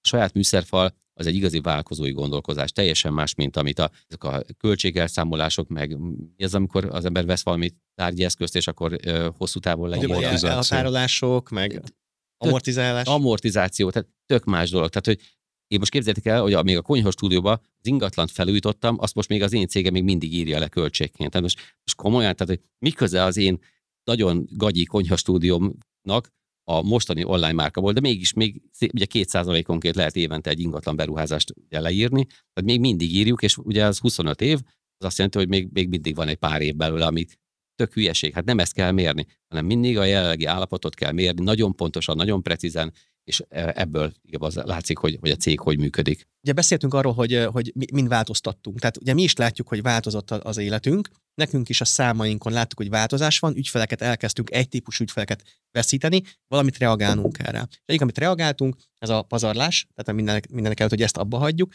Viszont a másik, amit csináltunk, hogy csináltunk egy felmérést az ügyfeleink körében, hogy hogyan tudlak téged én támogatni. Mit tudok én tenni a te érdekedben. És ezt érdemes venni, hogy figyelj, én is nehéz helyzetben vagyok, de én úgy tudok szerintem előrébb jutni, hogy az ügyfeleimet segítem, ha az ügyfeleimet segítem, és ők jobb helyzetben vannak, akkor én is jobb helyzetben vagyok. Nekem ez volt az el, ez ma az elméletem. És az ügyfelek azt mondták, hogy, hogy oké, okay, érzem, hogy változtatni kéne, de mit csináljak? És mi egy szoftvert szolgáltató cég vagyunk, tehát nem tanácsadó cég, de az ügyfelek azt mondták, hogy kell valami iránymutatás. Ugye mi látunk rengeteg adatot, látunk rengeteg céget, látjuk, hogy mit, ki, ki csinálja jó a dolgát, ki csinálja rosszul, és egyszerűen azt mondtuk, hogy jó, akkor minden hónapban tartunk egy olyan rendezvényt az ügyfeleinknek, tök ingyen, ennek minden költséget mi álljuk, meg a lényege az, hogy tudásmegosztás. Mindig hozok egy aktuális témát, most nálunk az aktuális téma az, hogy lépjél külföldre, mert ez egy olyan lehetőség, ami, ami 30 évente egyszer van a magyar piacon és erre fókuszálunk, és éppen a, a legutolsó ilyen találkozón meghívtam egy olyan cégnek a vezetőjét, aki egy webáruház, néhány éve indult, és jelen pillanatban most már több mint egy milliárdos forgalmat csinálnak, és kerekítve nulláról indult, tehát nem az volt, hogy beletoltak egy milliárd forintot a raktárba, és akkor bum, beindítjuk, hanem pici cégként indultak. És így mennek fölfele, hihetetlen távlatok állnak a cég előtt még. És az ő vezetőjét hívtam meg, mint előadó, és beszélgettünk, és volt egy ilyen kérdésem, hogy ki az, aki tudja, hogy amikor egy terméket elad, amikor feladja a futárszolgálattal, akkor azon keresette, vagy bukott-e, vagy ha keresett, akkor pedig mennyit keresett rajta. Az egész teremben egyetlen egy kéz emelkedett fel, aki mellettem állt, mint előadó. Ő mondta azt, hogy mi tudjuk, hogy mennyi pénzt keresünk egy feladott terméken. Ide egy gondolat, hogy stratégiaváltás, szemléletváltás. Szoktam ilyet játszani, megkérdezek cégvezetőket, hogy hogy megy a vállalkozásod, és elmondja, hogy ú, nagyon-nagyon jól, az elmúlt egy évben nőttünk 30%-ot. Oké, ez mit jelent? Ez már ez a surányfej, ez tök hülye, hát nem érti, nőttünk 30%-ot. Oké, de ez mit jelent? Hogy, hogy mit jelent? Hát nőtt a forgalmunk 30%-ot. Mondom, oké, azt már értem, hogy 30%-kal többet dolgoztok, de hogy megy a vállalkozásod? Mi a helyzet? És akkor ezt már abba szoktam hagyni, mert ilyenkor üveges tekinteten néznek rám, akkor megkezdem, hogy oké, mennyi pénzt kerestél? Hát azt majd a könyvelünk megmondja. Mi van? Könyvelőd mondja meg, hogy mennyi pénzt kerestél, tehát nem tudod, akkor minek csinálod a cégedet? És akkor a válasz az jön, hogy bele, és ezt, ezt, én is így játszottam, tehát én is így játszottam tizen éven keresztül, hogy, hogy nőtt a forgalmuk, hogy hú, már majdnem áttértük a félmilliárdos forgalmat 2002 környékén. Oké, hát megtermeltünk egy mínusz 40 milliót, de hát most arról már ne beszéljünk, mert hát már félmilliárdos cég vagyunk. Tehát igazából szerintem a kérdés az, hogy mennyi pénzt keresel. És ha ma ezt nem tudod, akkor mind változtass, hogyha a céged ma nincs abban a helyzetben, hogy te szeretnéd, hogy legyen. Hát mondjuk például el kéne kezdeni mérni a lényeget, hogy mind keresel. És ez egy nagyon egyszerű Excel tábla, amit te is mondtál. És ezt meg tudod csinálni csak olyan szinten, hogy mennyit keresek egy ügyfélen, mennyit keresek egy, egy, egy csomagon, mennyit keresek egy márkán, mennyit keresek egy beszállítón, olyan számok fognak kijönni, nem fogod elhinni. És általában az van, hogy amin azt hiszed, hogy pénzt keresel, általában azon bukod a legtöbbet amíg nem méred, addig ez szokott a vége Oké, okay, sokszor mind a ketten mondtátok, hogy mérni kell. Hát és ezt lehet nincs. hallani, és én úgy gondolom, a dolgoknak az a rákfenéje, hogy igen, kell valamit csinálni, legyenek folyamataink, meg mérjünk, meg, meg lássuk az egészet, meg, meg döntsük el, hogy majd úgy jól akarjuk csinálni. Oké, okay, de hogy kell elkezdeni? Mert ugye mindig itt jön az, hogy a megvalósításon múlik minden. Az, hogy én tudom, hogy mérni kell, az önmagában még semmire nem elég, de oké, okay, elkezdjük írni. Milyen gyakran nézitek? Naponta, hetente, évente, vagy amikor éppen eszetekbe jut? Tehát, hogy ez hogy, hogy valósítanak meg? Feri fogja a részleteket mondani, én Na. mindig a stratégiai részét mondom, Nézzük. hisz én már elég jól kiszálltam a cégbe. Ami nagy hibát én elkövettem, hogy én például érzés alapon vezettem a cégemet. Tehát én nem, nem, nagyon kevés volt a mérés. Tehát volt egy-két forgalmi mérés, de kevés volt a mérés. Nyereséget is azért láttuk a, az végén, de hogy az, ami nálunk az igazgatónőn behozott a cégbe, az a tudás alapú cégvezetés. Ez a nagy különbség én érzéssel, ő tudással hozta. Érzés mit jelent, hogy amikor hát, olyan kedved volt, jó, akkor... Jó volt az a kampány hétvégén mintha jobb lett volna. Szoktam ilyeneket mondani a kollégámnak, hogy így, így és akkor mondja, jó, azt visszaív egy óra, megnéztük a statisztikát, 12%-kal jobb volt, mint az előző. Érted? Én meg érzésből azt lefikáztam az új kampányt, amikor az jobb volt 12%-kal a statisztika alapján. Tehát az én igazgatóm ugye nagyon sok részletes statisztikát vezetett be, őt minden munkatársamnak van egy, egy teljesítmény értékelési rendszere, ezt mi nem mértük korábban, én csak a, a, a végét mértem. Nálunk a műszerfal az minden hónapban elkészül, 20 kell, hogy elkészüljön az előző hónapot tartalmaz, üzletágánként, árbevétel, árrés, költségek osztályonként, és a, a végén a nyereség. És ezt minden hónapban látjuk, és pontosan látjuk, hogy ha esetleg valami negatív kilengés lenne, sőt, a pozitív kilengés az, az szokott egyébként a legdurvább lenni, mert akkor mindig ráfekszünk, hogy na, az mitől van.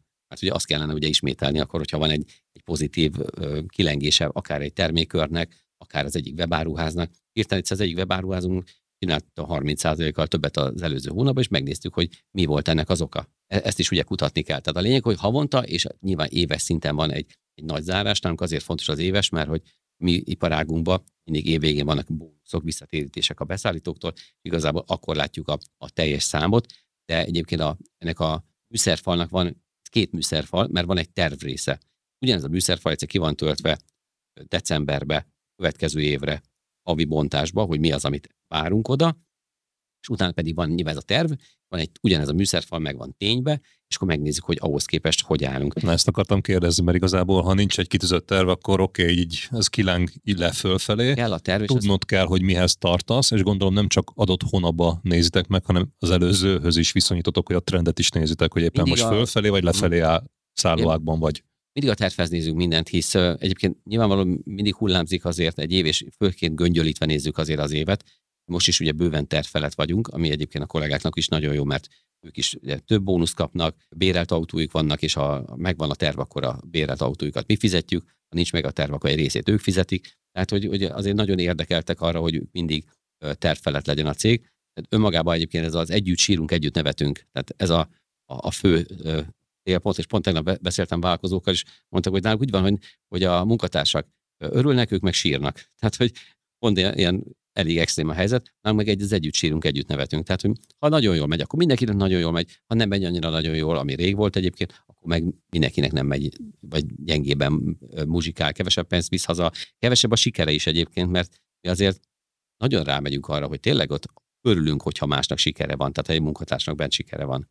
Jó, tehát a lényeg, hogy hogy kell a, a terv ahhoz, hogy, hogy jól lesz. Ez még tovább mennék a konkrétumokhoz, még egy dolgot tegyünk hozzá, hogy megint az van, hogy jobban megy, meg jobbat akarsz, és igazából most belegondolok, téged ugyanúgy érint a alapanyag hiány, a chip hiány, meg nem tudom minden, ami a energia, árnövekedés azért egy akkora raktárat, minden. Tehát, tehát, hogy... te ugyanúgy meg kapott te is ugyanazt, amire mindenki más okay. panaszkodik, de te nem panaszkodsz, ez a különbség, ugye? Tehát mert megteszem a lépéseket. Jött ez a, a Covid-os dolog, ugye kevesebb a készlet, kevesebb a gyártás, és így tovább. És mi nagyon erős a, a mi cégünknek a bizalma. És fogtuk magunkat, és egy olyan folyószámla hitelt vettünk föl, mert föl tudtuk tuningolni a készletünket duplára. Tehát 300 milliós készlet van, most 600 milliós készletünk, amiatt igazából egy puffer raktárként tudunk dolgozni, és nekünk mindenből mindig van.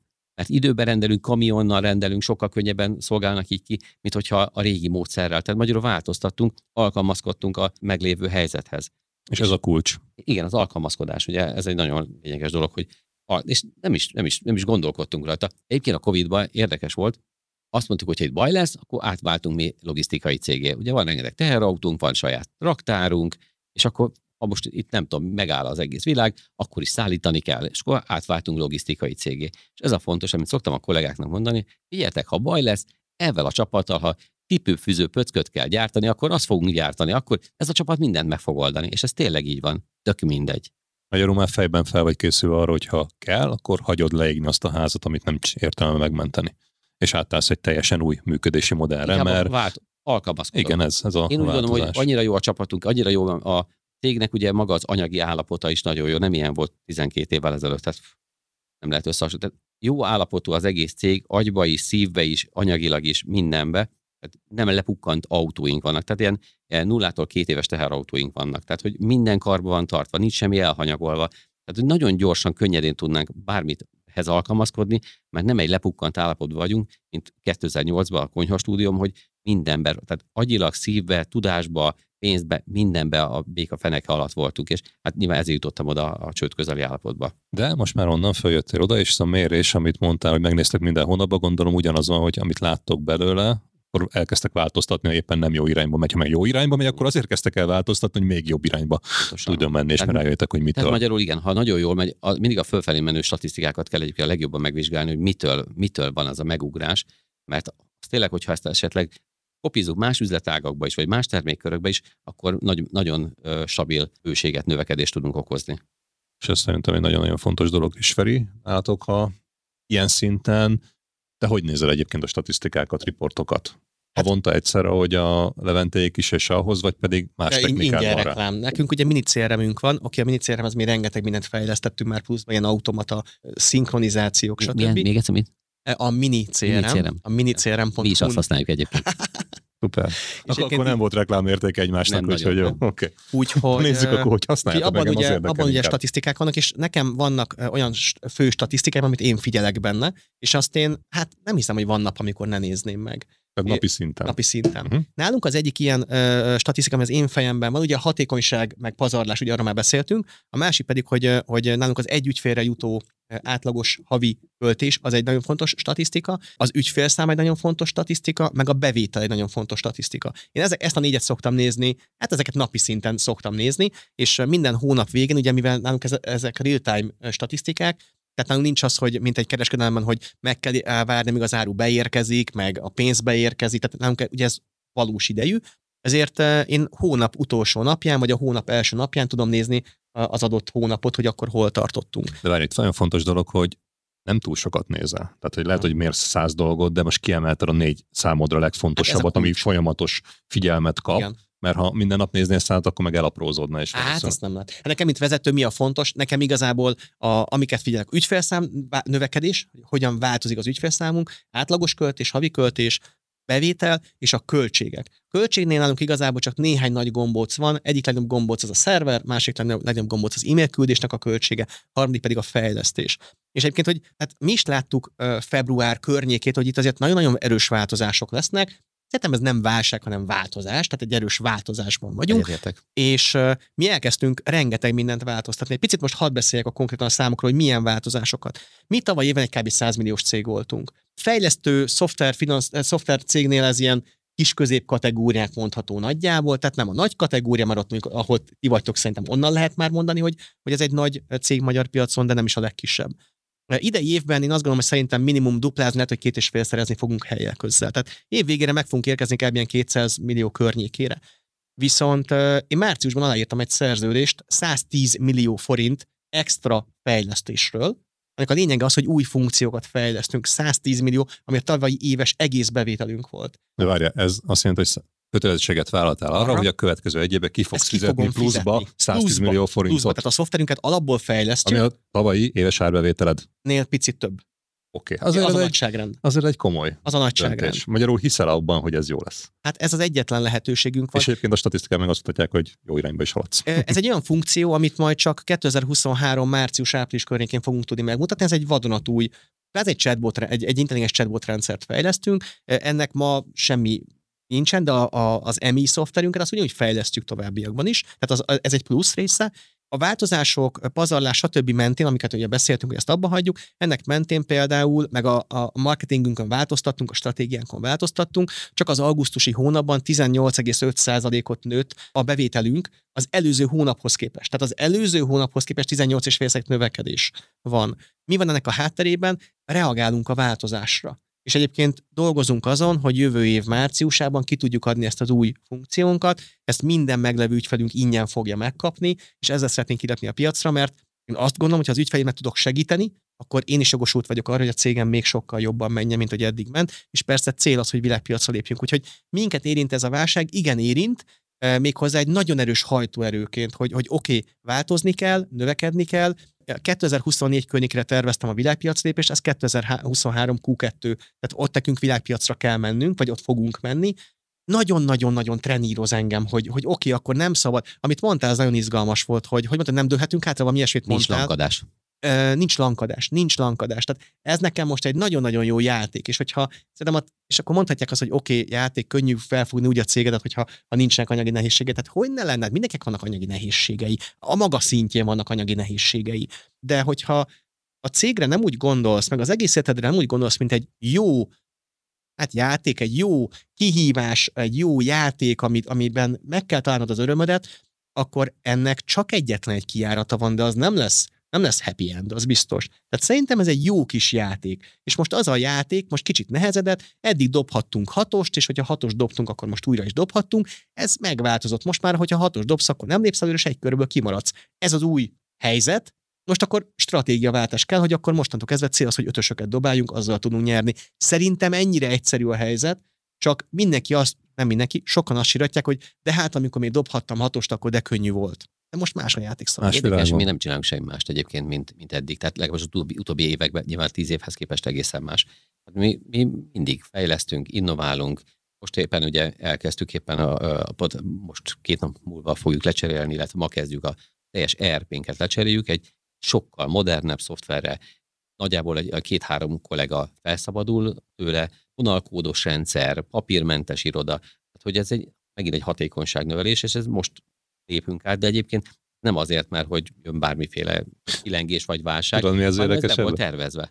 Azt mondod, hogy nem csinálsz semmit máshogy, mint hogy eddig csináltál. Most, amit elmondtál, az alapján minden évben máshogy csinálod a dolgot, mert folyamatosan fejlesztesz, és ez a különbség. Tehát, hogy nekem fel se tűnik, hogy máshogy csinálod, mert folyamatos Ez olyan, változásban igen, vagy, ugye és ez egy jó dolog. Egy állandó, áll- egy állandó dolog van a világon, az a változás, tehát hogy ezt csináljuk.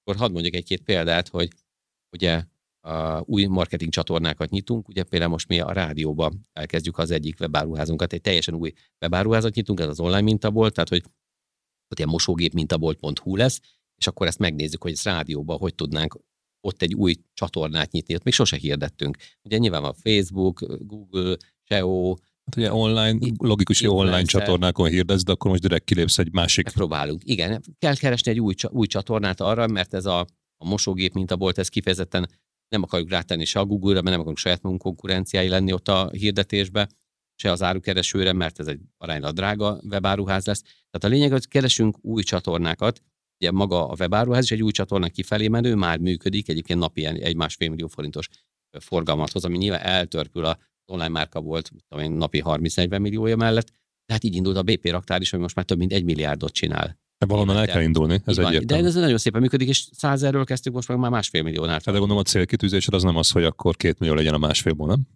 Hát, ez egy fontos dolog, Megmondom hogy- szépen, hogy az én- én, célom már teljesült ebben az 5 milliárddal, de most a kollégáim azok 40 milliárdot szeretnének csinálni, úgyhogy felé tart a, a cégé, meg hát hagyom, hogy duzogva, hogy elvigyenek vele.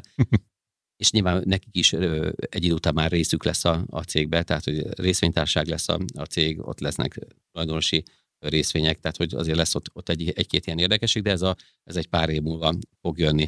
Ami viszont van ugye hatésok, hatékonyságnövelés, áremelés például, jött az üzemanyag, ugye, céges autóknak vége a, a 3,5 tonna alattiaknak, hogy olcsón tankoljanak, három nap múlva rátelefonálnak a kollégámra, hogy te figyelj, nem kéne árat emelni? Ezt már rég árat emeltünk. Azonnal árat emeltek a kollégáim, fölemelték 2%-kal az árainkat, ami egyébként bőségesen kompenzálja ezt az üzemanyag ár problémát. Mennyire mondom, zsigeri szinten ugye benne van a cégben, az, hogy egy pillanatig nem vártak. Tehát amire én, amire én föleszméltem, és szóltam, hogy óvatosan megkérdeztem. Nem szóltam bele, csak megkérdeztem, már megvolt az áremelés. Úgyhogy árat emeltünk, evel is ugye növeljük a hatékonyságát a cégnek, tehát hogy mindig ugye azt mondom, hogy az adott belefektetett energiából több eredményt hozunk. Aztán ugye a, a készletértéknövelésről beszélgettünk, és az új kategóriák, tehát elkezdünk fúrógépet is árulni, elkezdünk kerti szerszámokat, kerti gépeket is árulni, tehát elkezdünk, de nem eszetlenül, mint mondjuk, mondjuk annak idején az Extreme Digital, ugye hirtelen nagyon nagyra nőtt, és nagyon nagyra megnőtt az árbevétele, az eredményessége meg felére csökkent, tehát hogy mi azért nagyon észre csinálunk, mindig egy kategóriát hozunk be, tehát mondjuk a barkács kategóriát hozzuk be. Ez megint biztosítja, ugye egyszer azt mondtam, hogy az online torta nő, plusz ráteszünk kategóriákat, nő. Nyilván lehet, hogy egy-két versenytárs jön, most éppen nem jött mostanában, tehát ugye a nagyok vannak, amik a EMAG, Alza, meg nem tudom kik, és folyamatosan, ahogy mondtam, a, a, azon dolgozunk, hogy automatizálunk, ugye maga a mini CRM is azt másfél-két éve vezettük be, hatalmas nagy hatékonyságnövelést hozott, hisz az elhagyott ügyfeleknek a száma nagyon durván lecsökkent. Minden és igazából ez is ahhoz segít hozzá, hogy jobban túléld azt a válságot, nem azt a helyzetet, amiben éppen A változást, hogy Feri mondta, és, és maradjuk abban, ez egy változás jobban, jobban inkább, mint, mint válság. Jó, szuper, itt, itt, ha jól értem, akkor mindkettőtöknek a, a rendszer abban segít egyébként, hogy szállítja lényegében az adatokat, amit el tudod dönteni, hogy milyen rendszerességgel néz, és abból esélyt ad neked arra, hogy csak a számodra fontosakat nézd folyamatosan. Ebben minden más... értéket. Igen? Hogy ugye a Feri jobban benne dolgozik még a cégbe, tehát ő jobban a részletesebb számokat nézi, én pedig öt dolgot nézek a cégembe, öt dolgot. És ebből csak egyek egy a számok, amiket te mondtál. Én mindig nézem a munkatársak elégedettségét. Ez nagyon-nagyon fontos, mert ez határozza meg a jövőt a cégnek. Hisz, hogyha minden rendben van, gyönyörűek mennek a számok, viszont elégedetlenek a munkatársak, ők el fognak egy idő után menni. Tehát magyarul lehet, hogy egy év múlva már anyatlani fog a cég. A másik nyilván a vevők elégedettsége, ez ugyanazt okozhatja egyébként. Tehát nagy, mindenki boldog, munkatársak, számok, minden rendben van. A vevők egyre jobban csalódottak, akkor onnantól kezdve ők megszűnnek visszatérő vásárlóvá avanzsálódni, tehát az megint egy lefelé jövőt okoz. Tehát lehet, hogy elemben ez tök jó még, de utána már lefelé fog menni. Ugye a harmadik a partnerek, tehát a beszállítók, vagy akár alvállalkozóknak az elégedettsége. Ezt a számot nézem még, tehát ez, ez mind fölmérjük ugye folyamatosan, valamelyiket havonta, valamelyik negyed évente, valamelyiket éves szinten. Mert ha egy beszállító partner megint elégedetlen, azt érzi, hogy mindig kicsavarjuk, mindig átverjük, nem fizetünk, tehát minden más rendben van, csak a partnerek elégedetlenek, abból megint hosszú távon lefelé menő trend lesz. Tehát egyszer mondom, munkatársak, vevők, partnerek, a negyedik a számok, tehát az, amit a Feri mond. Mi, én főként nyilván a nyereségességet nézem, Persze vannak ott azért olyan fókuszpontok, hogy elfekvő készlet, meg ilyesmi, ami ugye hekkelhető lenne ez a nyereség, mert látszatra ott van egy szép nagy készlet a cégbe, de közben nem ér semmit se. Ezt is figyeljük, ezeket a lassan forgó elfekvőket. Ez már egy ilyen részletkérdés, azt mondom, ez ilyen éves szinten van ez igazgatónőmmel egy, egy skála, hogy hova a bi alá nem szabad mennünk. Kitaláltuk, hogy mi az ötödik.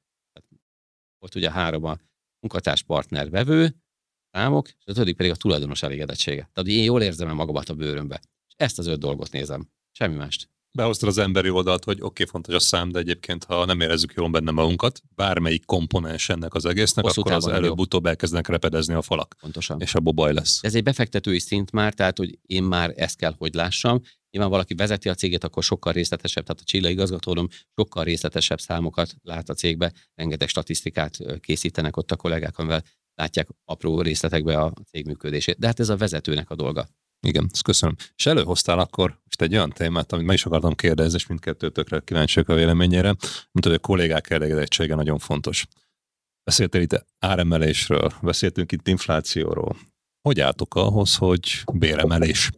Ugye most egy olyan időszakban vagyunk, amikor megint lehet hallani a médiából, hogy egyik oldalról azt lehet hallani, hogy itten kevesebbet ér a pénzért, bért kell, hogy béreket emelni kell, a másik meg azt is lehet olvasni, hogy előbb-utóbb jönnek a leépítések, tehát itt a munkahelyek meg fognak szűnni, mert egy ilyen nehéz helyzetbe fogunk kerülni. Ti hogy érzitek ezt, hogy látjátok ezt, hogy reagáltok erre a helyzetre, mert, mert lehet, hogy nem foglalkozol, ami kívülről jön, de azért előbb-utóbb lehet, hogy ebből lesznek olyan kényszer, hogy erre reagálni kell. Hát nálunk ez nagyon egyszerű. Nálunk, amikor a munkatársi felvétel van, vagy interjú van, akkor én általában a legutolsó ponton szoktam ott lenni, akkor a bértárgyásról van szó, és meg szoktam kérdezni a kollégát, hogy mennyi pénzt szeretnél keresni.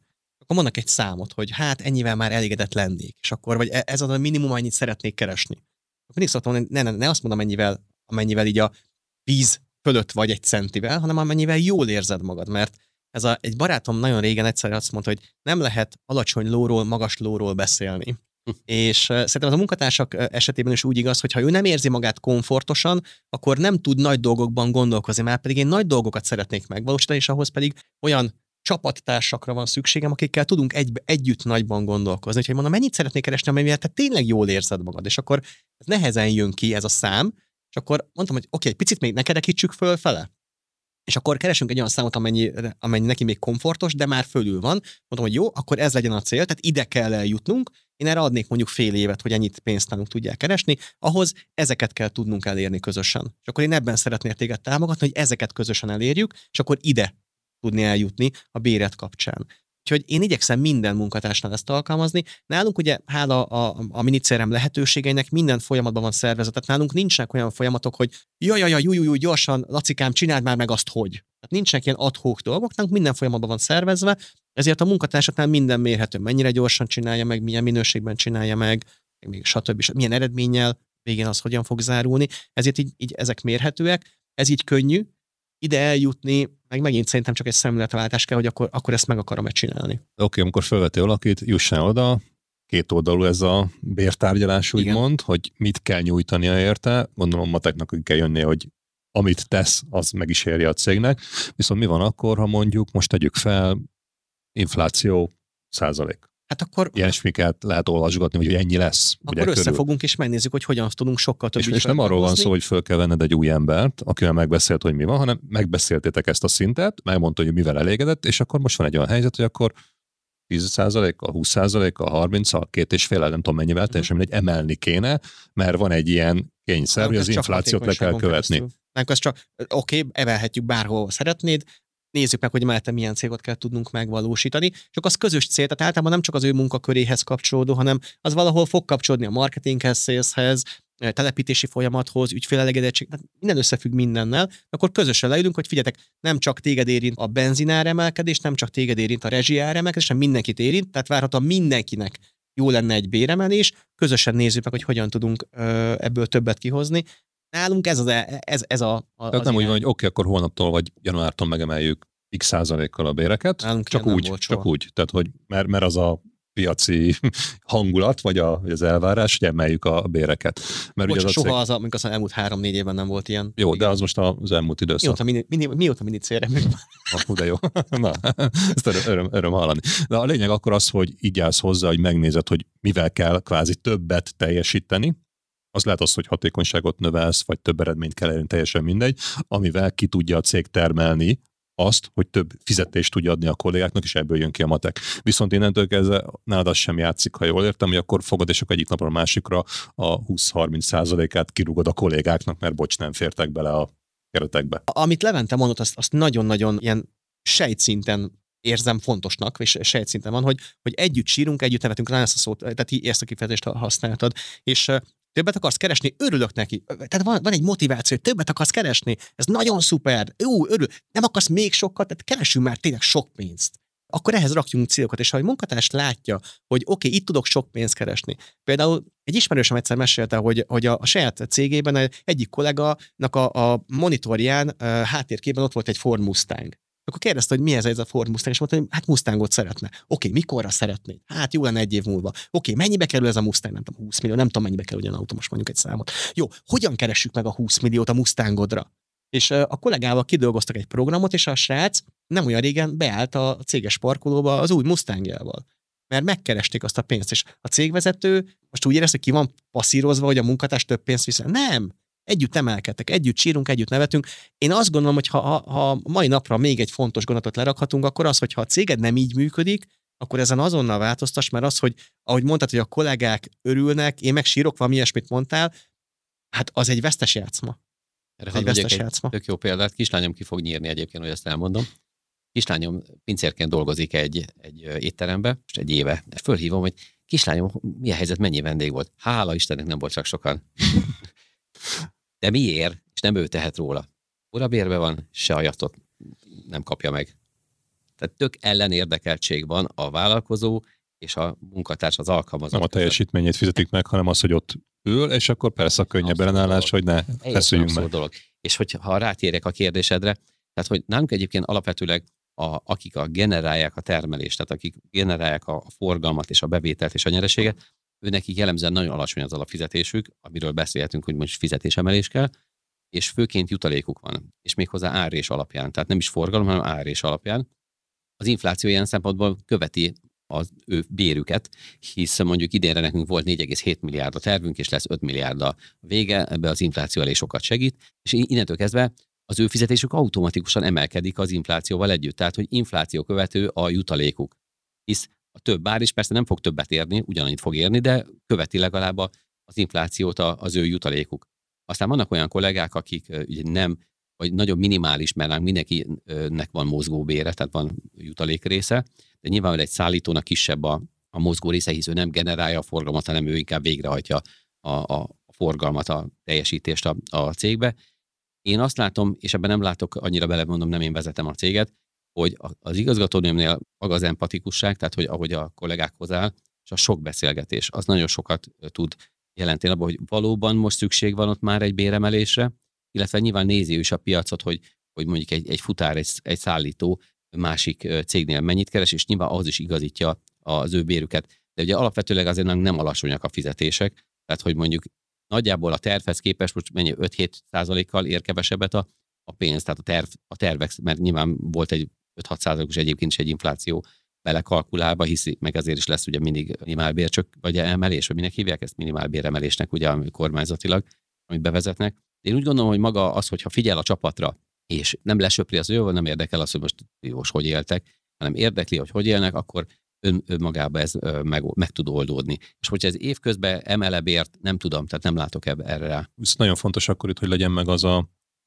kontroll, meg az az információ a cégedről, mi fér bele egyébként a büdzsébe, legyen meg az információ az emberekről, hogy ők hogyan működnek, hogyan érzik magukat, és utána kell meghozni azt a döntést, és itt, ha jól értetem, mind a ketten abban egyetértetek, hogy nem csak úgy adjuk a pénzt, mert, hanem Soha. azért az emelésért jár valami ellentételezés. És meg kell állapodni értelmes keretek között, hogy ez hogy lesz. És most nálad azt mondod, az infláció ugye abban segít, hogy drágább lesz a termék, amit eladtok, ezért az árbevételek is növekszik. Az, ár az infláció abban is segít sajnos, hogy a megélhetés költségei, mondjuk a rezsi, meg, meg egyebek, amiről beszéltél, az is drágább lesz, de mivel innentől kezdve nálad a kettő az így együtt mozog, ezért több tud lenni a fizetése az embernek. A jutaléka, igen. Így van, és a Feri pedig azt mondtad, hogy oké, okay, nézzük meg, hogy mit szeretnél elérni, ne abból induljunk ki, hogy mostan x forinttal több lesz a kenyérnek az ára, meg a áramnak az ára, hanem hogy mit szeretnél élni, és az mit kell tenni. Hadd reagáljak vissza Ferire ez legyen meg. Igen? Hogy nagyon jó, amit a Feri mondott. Tehát, hogy én például bátran fölmerem tenni egy munkatársnak azt a kérdést, hogy minek ez az államfizetés. És azt mondja, hogy 800 ezer forint, tök jó, akkor dolgozunk ezen, hogy a, mit tudom, nagyjából másfél-két év alatt eljussunk erre a fizetési szintre ez egy nagyon fontos, amikor azt érzi a munkatárs, hogy te is azon dolgozol, hogy ő neki meglegyen az a fizetés szintje. És bátran föl kell tenni, és ez nem az a szint, amit neked ott azon nyom majd felvételni meg kell adni, hanem oda akarunk eljutni. Mert nyilván van egy olyan szint, ami alá ő se tud menni a megélhetése miatt. De akkor tudjuk, hogy azon dolgozunk, hogy akkor, mert azt mondjuk neki, hogy figyelj, ez már egy igazgatói szint, mondjuk, vagy egy osztályvezetői szint, akkor azon dolgozunk, hogy te két év alatt eljuss az osztályvezetői szintre. És én az imádom az ilyen kollégákat egyébként, akik sokat kérnek. Persze, hogy ha nem akar teljesíteni, az nem jó. Volt egy kollégám 5-6 évvel ezelőtt el kellett engednem, azt mondja, hogy akkor ő most szeretne 420 ezer fontot keresni. Mondom, hurrá, mondom, akkor van biztos valami nagy felelősséget akarsz vállalni a cégnél, valami külön osztályt, meg minden. Nem, nem, hát ő ugyanúgy csak így bejárna így és csinálna azt, amit eddig. És hát megköszöntem egy a munkáját, és elbúcsúztunk, mert a nemre, a nem teljesítéssel nem adunk több pénzt, csak a teljesítése. Még egy mondat, Nálunk a pozíciót soha nem megkapja valaki, nem megszerzi. Tehát nem megkapja. Tehát nem az, hogy kinézzük, hogy hú, figyelj, akkor te leszel most a nem tudom kicsoda. Pályázni kell, belső pályázat, leírja, hogy mit szeretne, megcsinálja, és utána emelünk hozzá neki mondjuk fizetés is. Nem Szeretne, igaz... bizonyít, és ha ő Így bizonyította, van. hogy működik, akkor ti meg azt ellentételezitek. Nálunk egy évig igazgató jelölt volt csak, mint egy McDonald'sban, tehát ott is ott van ilyen menedzser jelölt, vagy nem tudom.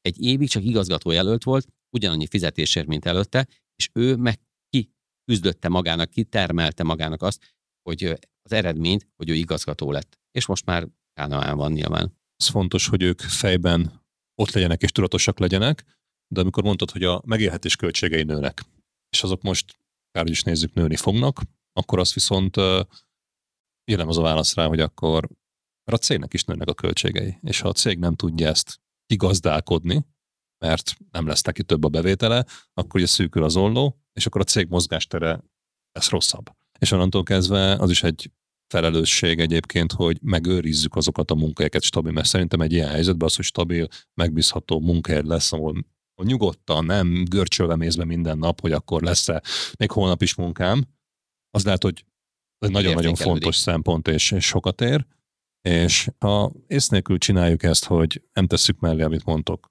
plusz dolgokat, akkor lehet, hogy egyszerűen a nem lesz miből. És akkor meg megint nehéz helyzetbe tudunk kerülni. Ilyen nem volt az életetekben, vagy nem láttatok Soha. ilyen példát? Soha. Soha. Soha. Leventen át volt? inkább, inkább azt mondom, hogy mostában nagyon sok vállalkozót látok, aki így csinálja sajnos, hogy, hogy úgy ad, hogy nem kér, vagy nem kap. Tehát, hogy teljesen eszetlenül, mérés nélkül, teljesítmény nélkül ad társaknak És ugye nagyon nehéz utána átállítani valakitől, hisz az, az mint hogyha vissza akarnád venni. Ugye nagyon jellemző az, hogy a, a nincsen tartalékos rendszer egy cégben, és ahogy mondtam a kislányomnál, hogy mennyire probléma ez, hogy ha nincs érdekeltsége a munkatársnak, csak mondom, hogy nagyjából egy 20% különbség van hatékonyságban, egy munkatárs azt érzi, hogy ez is, hogy van egy saját sikere, hogyha ő jól termel, tehát meg van dicsérve, el van ismerve, van hozzá anyagi extra hozzá, ugye nem úgy mindig van alapfizetés, jutalék, és mindig azt mondom, hogy legyen egy bónusz is évvégén. Ez azt jelenti, hogy amikor a terv túl teljesítése fölött vagyunk, volt olyan évféle, hogy az igazgatónőm hazavitt évvégén plusz 10 millió forintot, azért mert azt mondta neki, hogy figyelj, ennyi volt a terv, ráteszünk még mondjuk egy 10 millió forint plusz profitot, és hogy ami fölötte van, azt mit hazavihet. És túl teljesítette. Hát. Mondtál egyet, hogy évvégi bónusz. 13. havi fizetés, 14. havi, tehát lehetett ilyenek hallani, csak ugye ezzel meg az a baj, hogy előbb-utóbb az jár. Igen. Tehát, hogy ott is kitalálták, hogy ha valamit elér a cég, akkor ennyi, és az emberek fejébe ez átalakul, ez viszont nem biztos, hogy egészséges, nem egészséges. vállalkozás oldaláról nézve. Nem egészséges. Hadd mondjak el, hogy milyen károkat tud ez okozni nálunk. Egy, egy, egy ilyen rossz döntésemet hadd mondjam, hogy, hogy mi lett a következménye. Volt ilyen? Hát egy, egy, egy, egy, azt most elmondom. Hát egy olyan tíz évvel ezelőtt volt nagyjából. Volt egy, a cégünknek egy kulcs munkatársa. Ez már egyébként önmagában probléma, hogy a cégnek van egy kulcs munkatárs, aki nehezen pótolható. Ibetűs? A kolléganő megkeresett, hogy magánéleti helyzetéből kifolyólag neki a csütörtöki napokat ő szeretné mindig fixen Szabira kivenni, de, de ő megcsinálja a munkáját a maradék négy napban, tehát hogy nem fog a cégeből érezni semmit.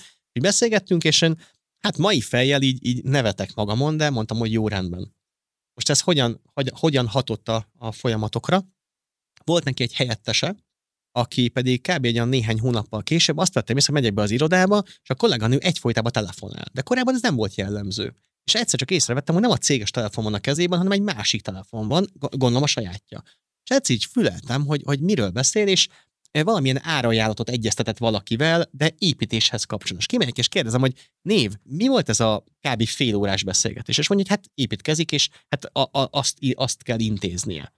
Mondom, hogy szerinted ez így normális, hogy, hogy munkaidőben fél órában? Mondja, hogy de hát a másik kolléganő, ő is elvégzi a munkáját, mindent elvégez. Ha a másik kolléganőnek lehet csütörtökönként lenni, akkor ő most miért ne telefonálhatna fél órában? Hát miért a munkán nincs elvégezve? kérdezte hogy nem mértünk semmit, ezért nem tudtam a kérd... nem mértük a, az ő hatékonyságát, nem tudtam a kérdésre válaszolni, és ez egy ilyen láncreakciót indított el. Tudod, hogy hogy lehetett megállítani? Mert egy idő után olyan nyomasztó volt a helyzet, mert a, a, aki csütörtökön nem volt kolléganő, az aztán már még kevesebbet, akkor már azt tettem hogy én megyek be munkaidőre tényleg az irodába, többiek meg már nem jönnek be nyitásra, én megyek el legutoljára, a többiek már elmentek, Szóval ilyen nagyon káoszos dolgok indultak el, az egyetlen megoldás az, hogy mind a kettő, mind a kettő kolléganőt el kellett küldenem. Tehát ha egy almás kosárba egy almát, és mondanám azt, hogy egy almát elkezd rohadni, nem egy alma elkezd rohadni, egy almát elkezdesz rohasztani te. Tehát ezt te, mint vezető csináltad, akkor annak egyetlen egy kijárata van, hogy a többi alma is elkezd rohadni, nincsen más.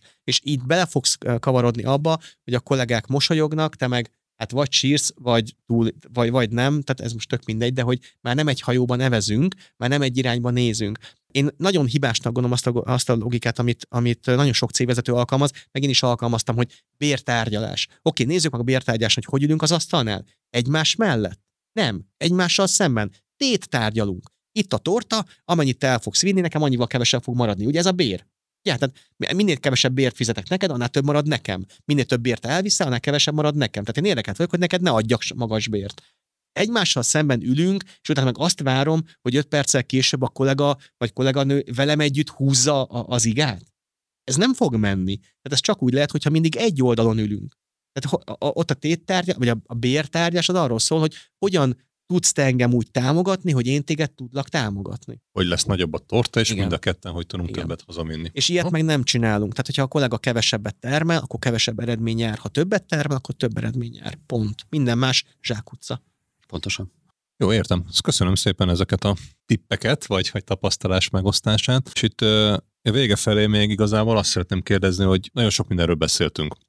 Hogyan, mire érdemes fókuszálni, milyen hibákat nem szabad elkövetni és nekem nagyon tetszett ez, amit most itt kihangsúlyoztok mind a ketten, hogy és nagyon sokszor ezt így, így, így valahogy az ember nem gondol bele, amikor benne van a vállalkozásában, hogy a tulajdonosnak is jól kell benne éreznie magát.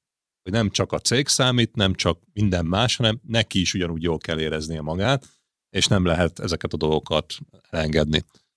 Ha ez nincs meg, akkor pedig előbb-utóbb valami rossz dolog fog történni, hogy mennyi idő, az egy másik kérdés. Ha ebben a helyzetben, és ezt a gondolatot itt, itt szem előtt tartva lehetne egy javaslat, tipp ki hogyan próbáljon alkalmazkodni ehhez a változáshoz, amiben most éppen vagyunk, akkor mit emelnétek ki, vagy mit javasolnátok nekik? Maga ez a, az ego, ez egy nagyon fontos dolog egyébként, mert a, akkor lehet szembenézni, akkor tud az ember szembenézni magával, akkor tudja azt mondani rá magára, hogy igen, én vagyok a hibás, nem a külső okok a hibásak. Nekem a mínusz 40 millió nagyon könnyen segített abban, hogy az egómat eldobjam, mert egy fagyira nem tudtam bemenni a városba, hogy, hogy megvásároljam, mert hogy volt 30 forintom, de hogy nem volt kedvem elköltenem, közben tartoztam több millióval beszállítóknak, banknak, mindenkinek végül is. Tehát, hogy ami, amit én úgy gondolom, hogy valahol ez a szembenézés és őszinte szembenézés saját magával, hogy ő kicsoda, hova tart, milyen dolgai vannak, mit csinált eddig rosszul, min kellene változtatni. Ezeket a sémákat el kell dobni. Tehát ez a teljes szemletváltás, ez ami, ami szerintem kell a, a vállalkozókba, és mondom ennek a leg, az első rész az ego eldobása. Tehát az, hogy, hogy ne akarjál minden áron győzni. Ezt most találtam ki, vagy most jöttem rá, hogy mi az ego, az amikor a győzelem ugye fontosabb, mint az igazság. Érted? Amikor a győzelem fontosabb, mint, tehát hogy neked, neked mindenképpen megőrizél valamit, ami egyébként nincs is. Mint az, Értelmetlenül harcolsz valamiért, Igen. csak hát hogy nyerjél, és egyenlő. nincs értelme, amikor megnyerted rá. A győzelem fontosabb, mint az igazság, szerintem. Jó, köszönöm szépen. Nekem három gondot jut az eszem, és igyekszem rövid lenni. Az első, csatlakozva a Leventéhez, én ezt úgy fogalmazom meg, hogy hogy ugye én vagyok a hibás, a környezetem a hibás, én ezt a hibás szót azt inkább úgy fordítom, hogy én vagyok érte a felelős. Azért a felelős, mert a felelős az azt jelenti, hogy, hogy oké, okay, ez tőlem függ. Tehát ha én eddig csináltam valahogy isnak az eredménye nem jó, akkor tudom másként csinálni, és akkor az eredménye jó lehet. És van egy fantasztikus hírem. Mindenért, kizárul. Én vagyok felelős. Pont. És nincs de. Nincs de, nincs de, de mer a válság, de mer az infláció, de mer a verseny, nincs de. Mindenért én vagyok a felelős, pont. És ez egy fantasztikus hír, mert akkor az azt jelenti, hogy csak rajtam múlik, hogy mikor leszek csiliárdos, mikor leszek szabadember, mikor lesz meg a mustangom, mikor lesz meg a nem tudom milyen házam, mikor leszek, mikor érem a céljaimat, mikor lesz az, hogy a gyerekeimmel tudok játszani hétvégén, és nem kell a céges laptopot nyomkodnom, stb. A másik gondolatom, hogy, hogy a mai találkozóhoz egy picit had, had kapcsolódjak. Van egy nagyon fontos nézőpontom, hogy amire fókuszálsz, az erősödik. És hogyha nézem a híreket, hogy úristen, válságban, úristen, Putyin most mit csinál, úristen, a nem tudom ki mit csinál, úristen, akkor ez fog erősödni, ennek a hatásai fognak rád rakódni, és a, én nem nagyon nézek híreket, de ott annyit tudok róluk, hogy azért ritkán szokott pozitív hír lenni, hogy hurrá, jó, nem tudom, tehát általában az van, hogy, hogy, hogy erre is fel kell készülni, baj lesz, már baj van, most nem látjuk, hogy baj lenne, de biztosan baj lesz. Tehát nagyjából ezek a hírek vannak. Tehát én nem nézek híreket, de egy másik gondot ide, hogy, hogy Brian Trace-nek a Phoenix szemináriumából egy mondatot hadd idézzek, ami, ami nekem sorsfordító volt. Valami így hangzik nagyjából, hogy ha sas akarsz lenni, akkor ne hátul kapirgálj a tyúkokkal, hanem szárnyalj a sasokkal, és így te is sas leszel.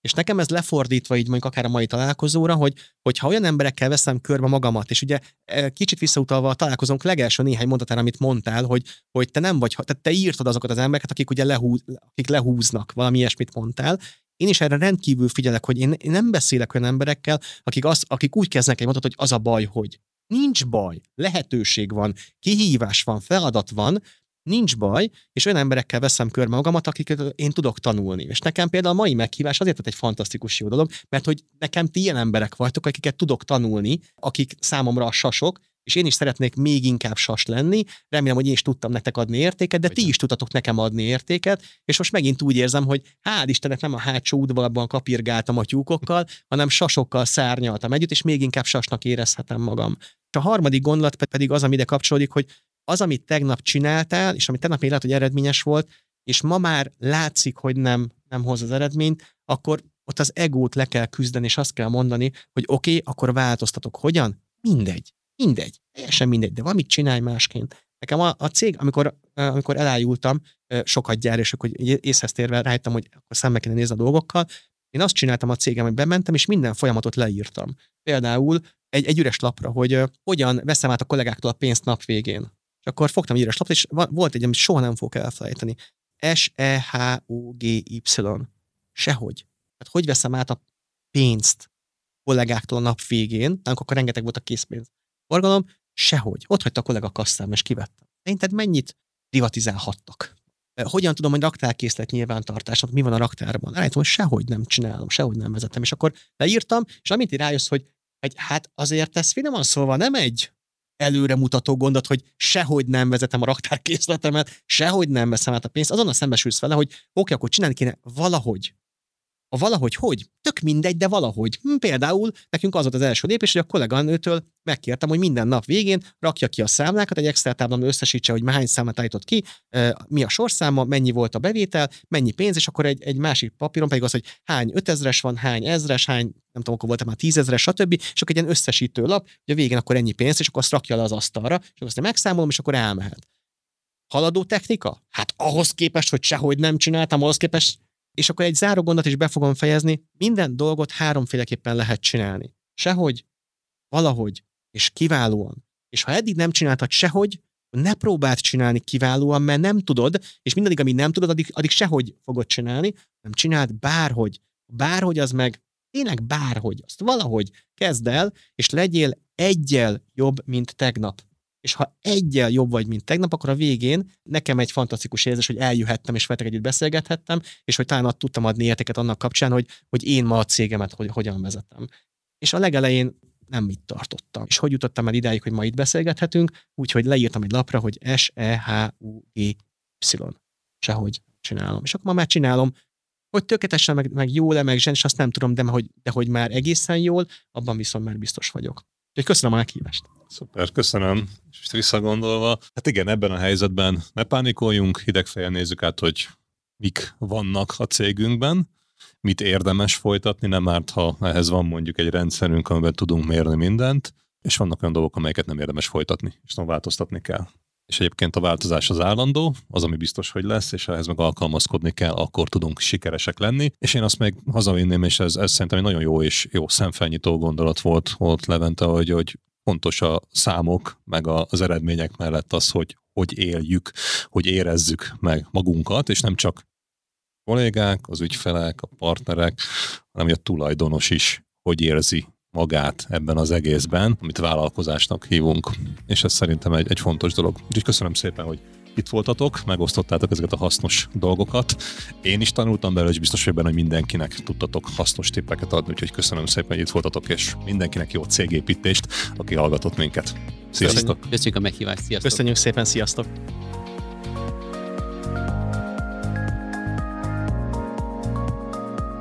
Köszönjük, hogy velünk voltál. Kövesd a cégépítőket, amit megtalálsz kedvenc podcast platformodon. Hallgassd a sorozatot, értékeld, bízom benne, hogy öt csillagra, hozd meg másokkal, és találkozzunk a következő adások során is. Látogass el a Cégépítő blogjára, ahol olyan értékes információkhoz juthatsz, amik segítenek mindennapjét és a céget sikeresebbé tételében. Tanulj és inspirálódj velünk, legyél jobb minden nappal. Én Egerszék Krisztián vagyok, és ez itt a Cégépítő Podcast.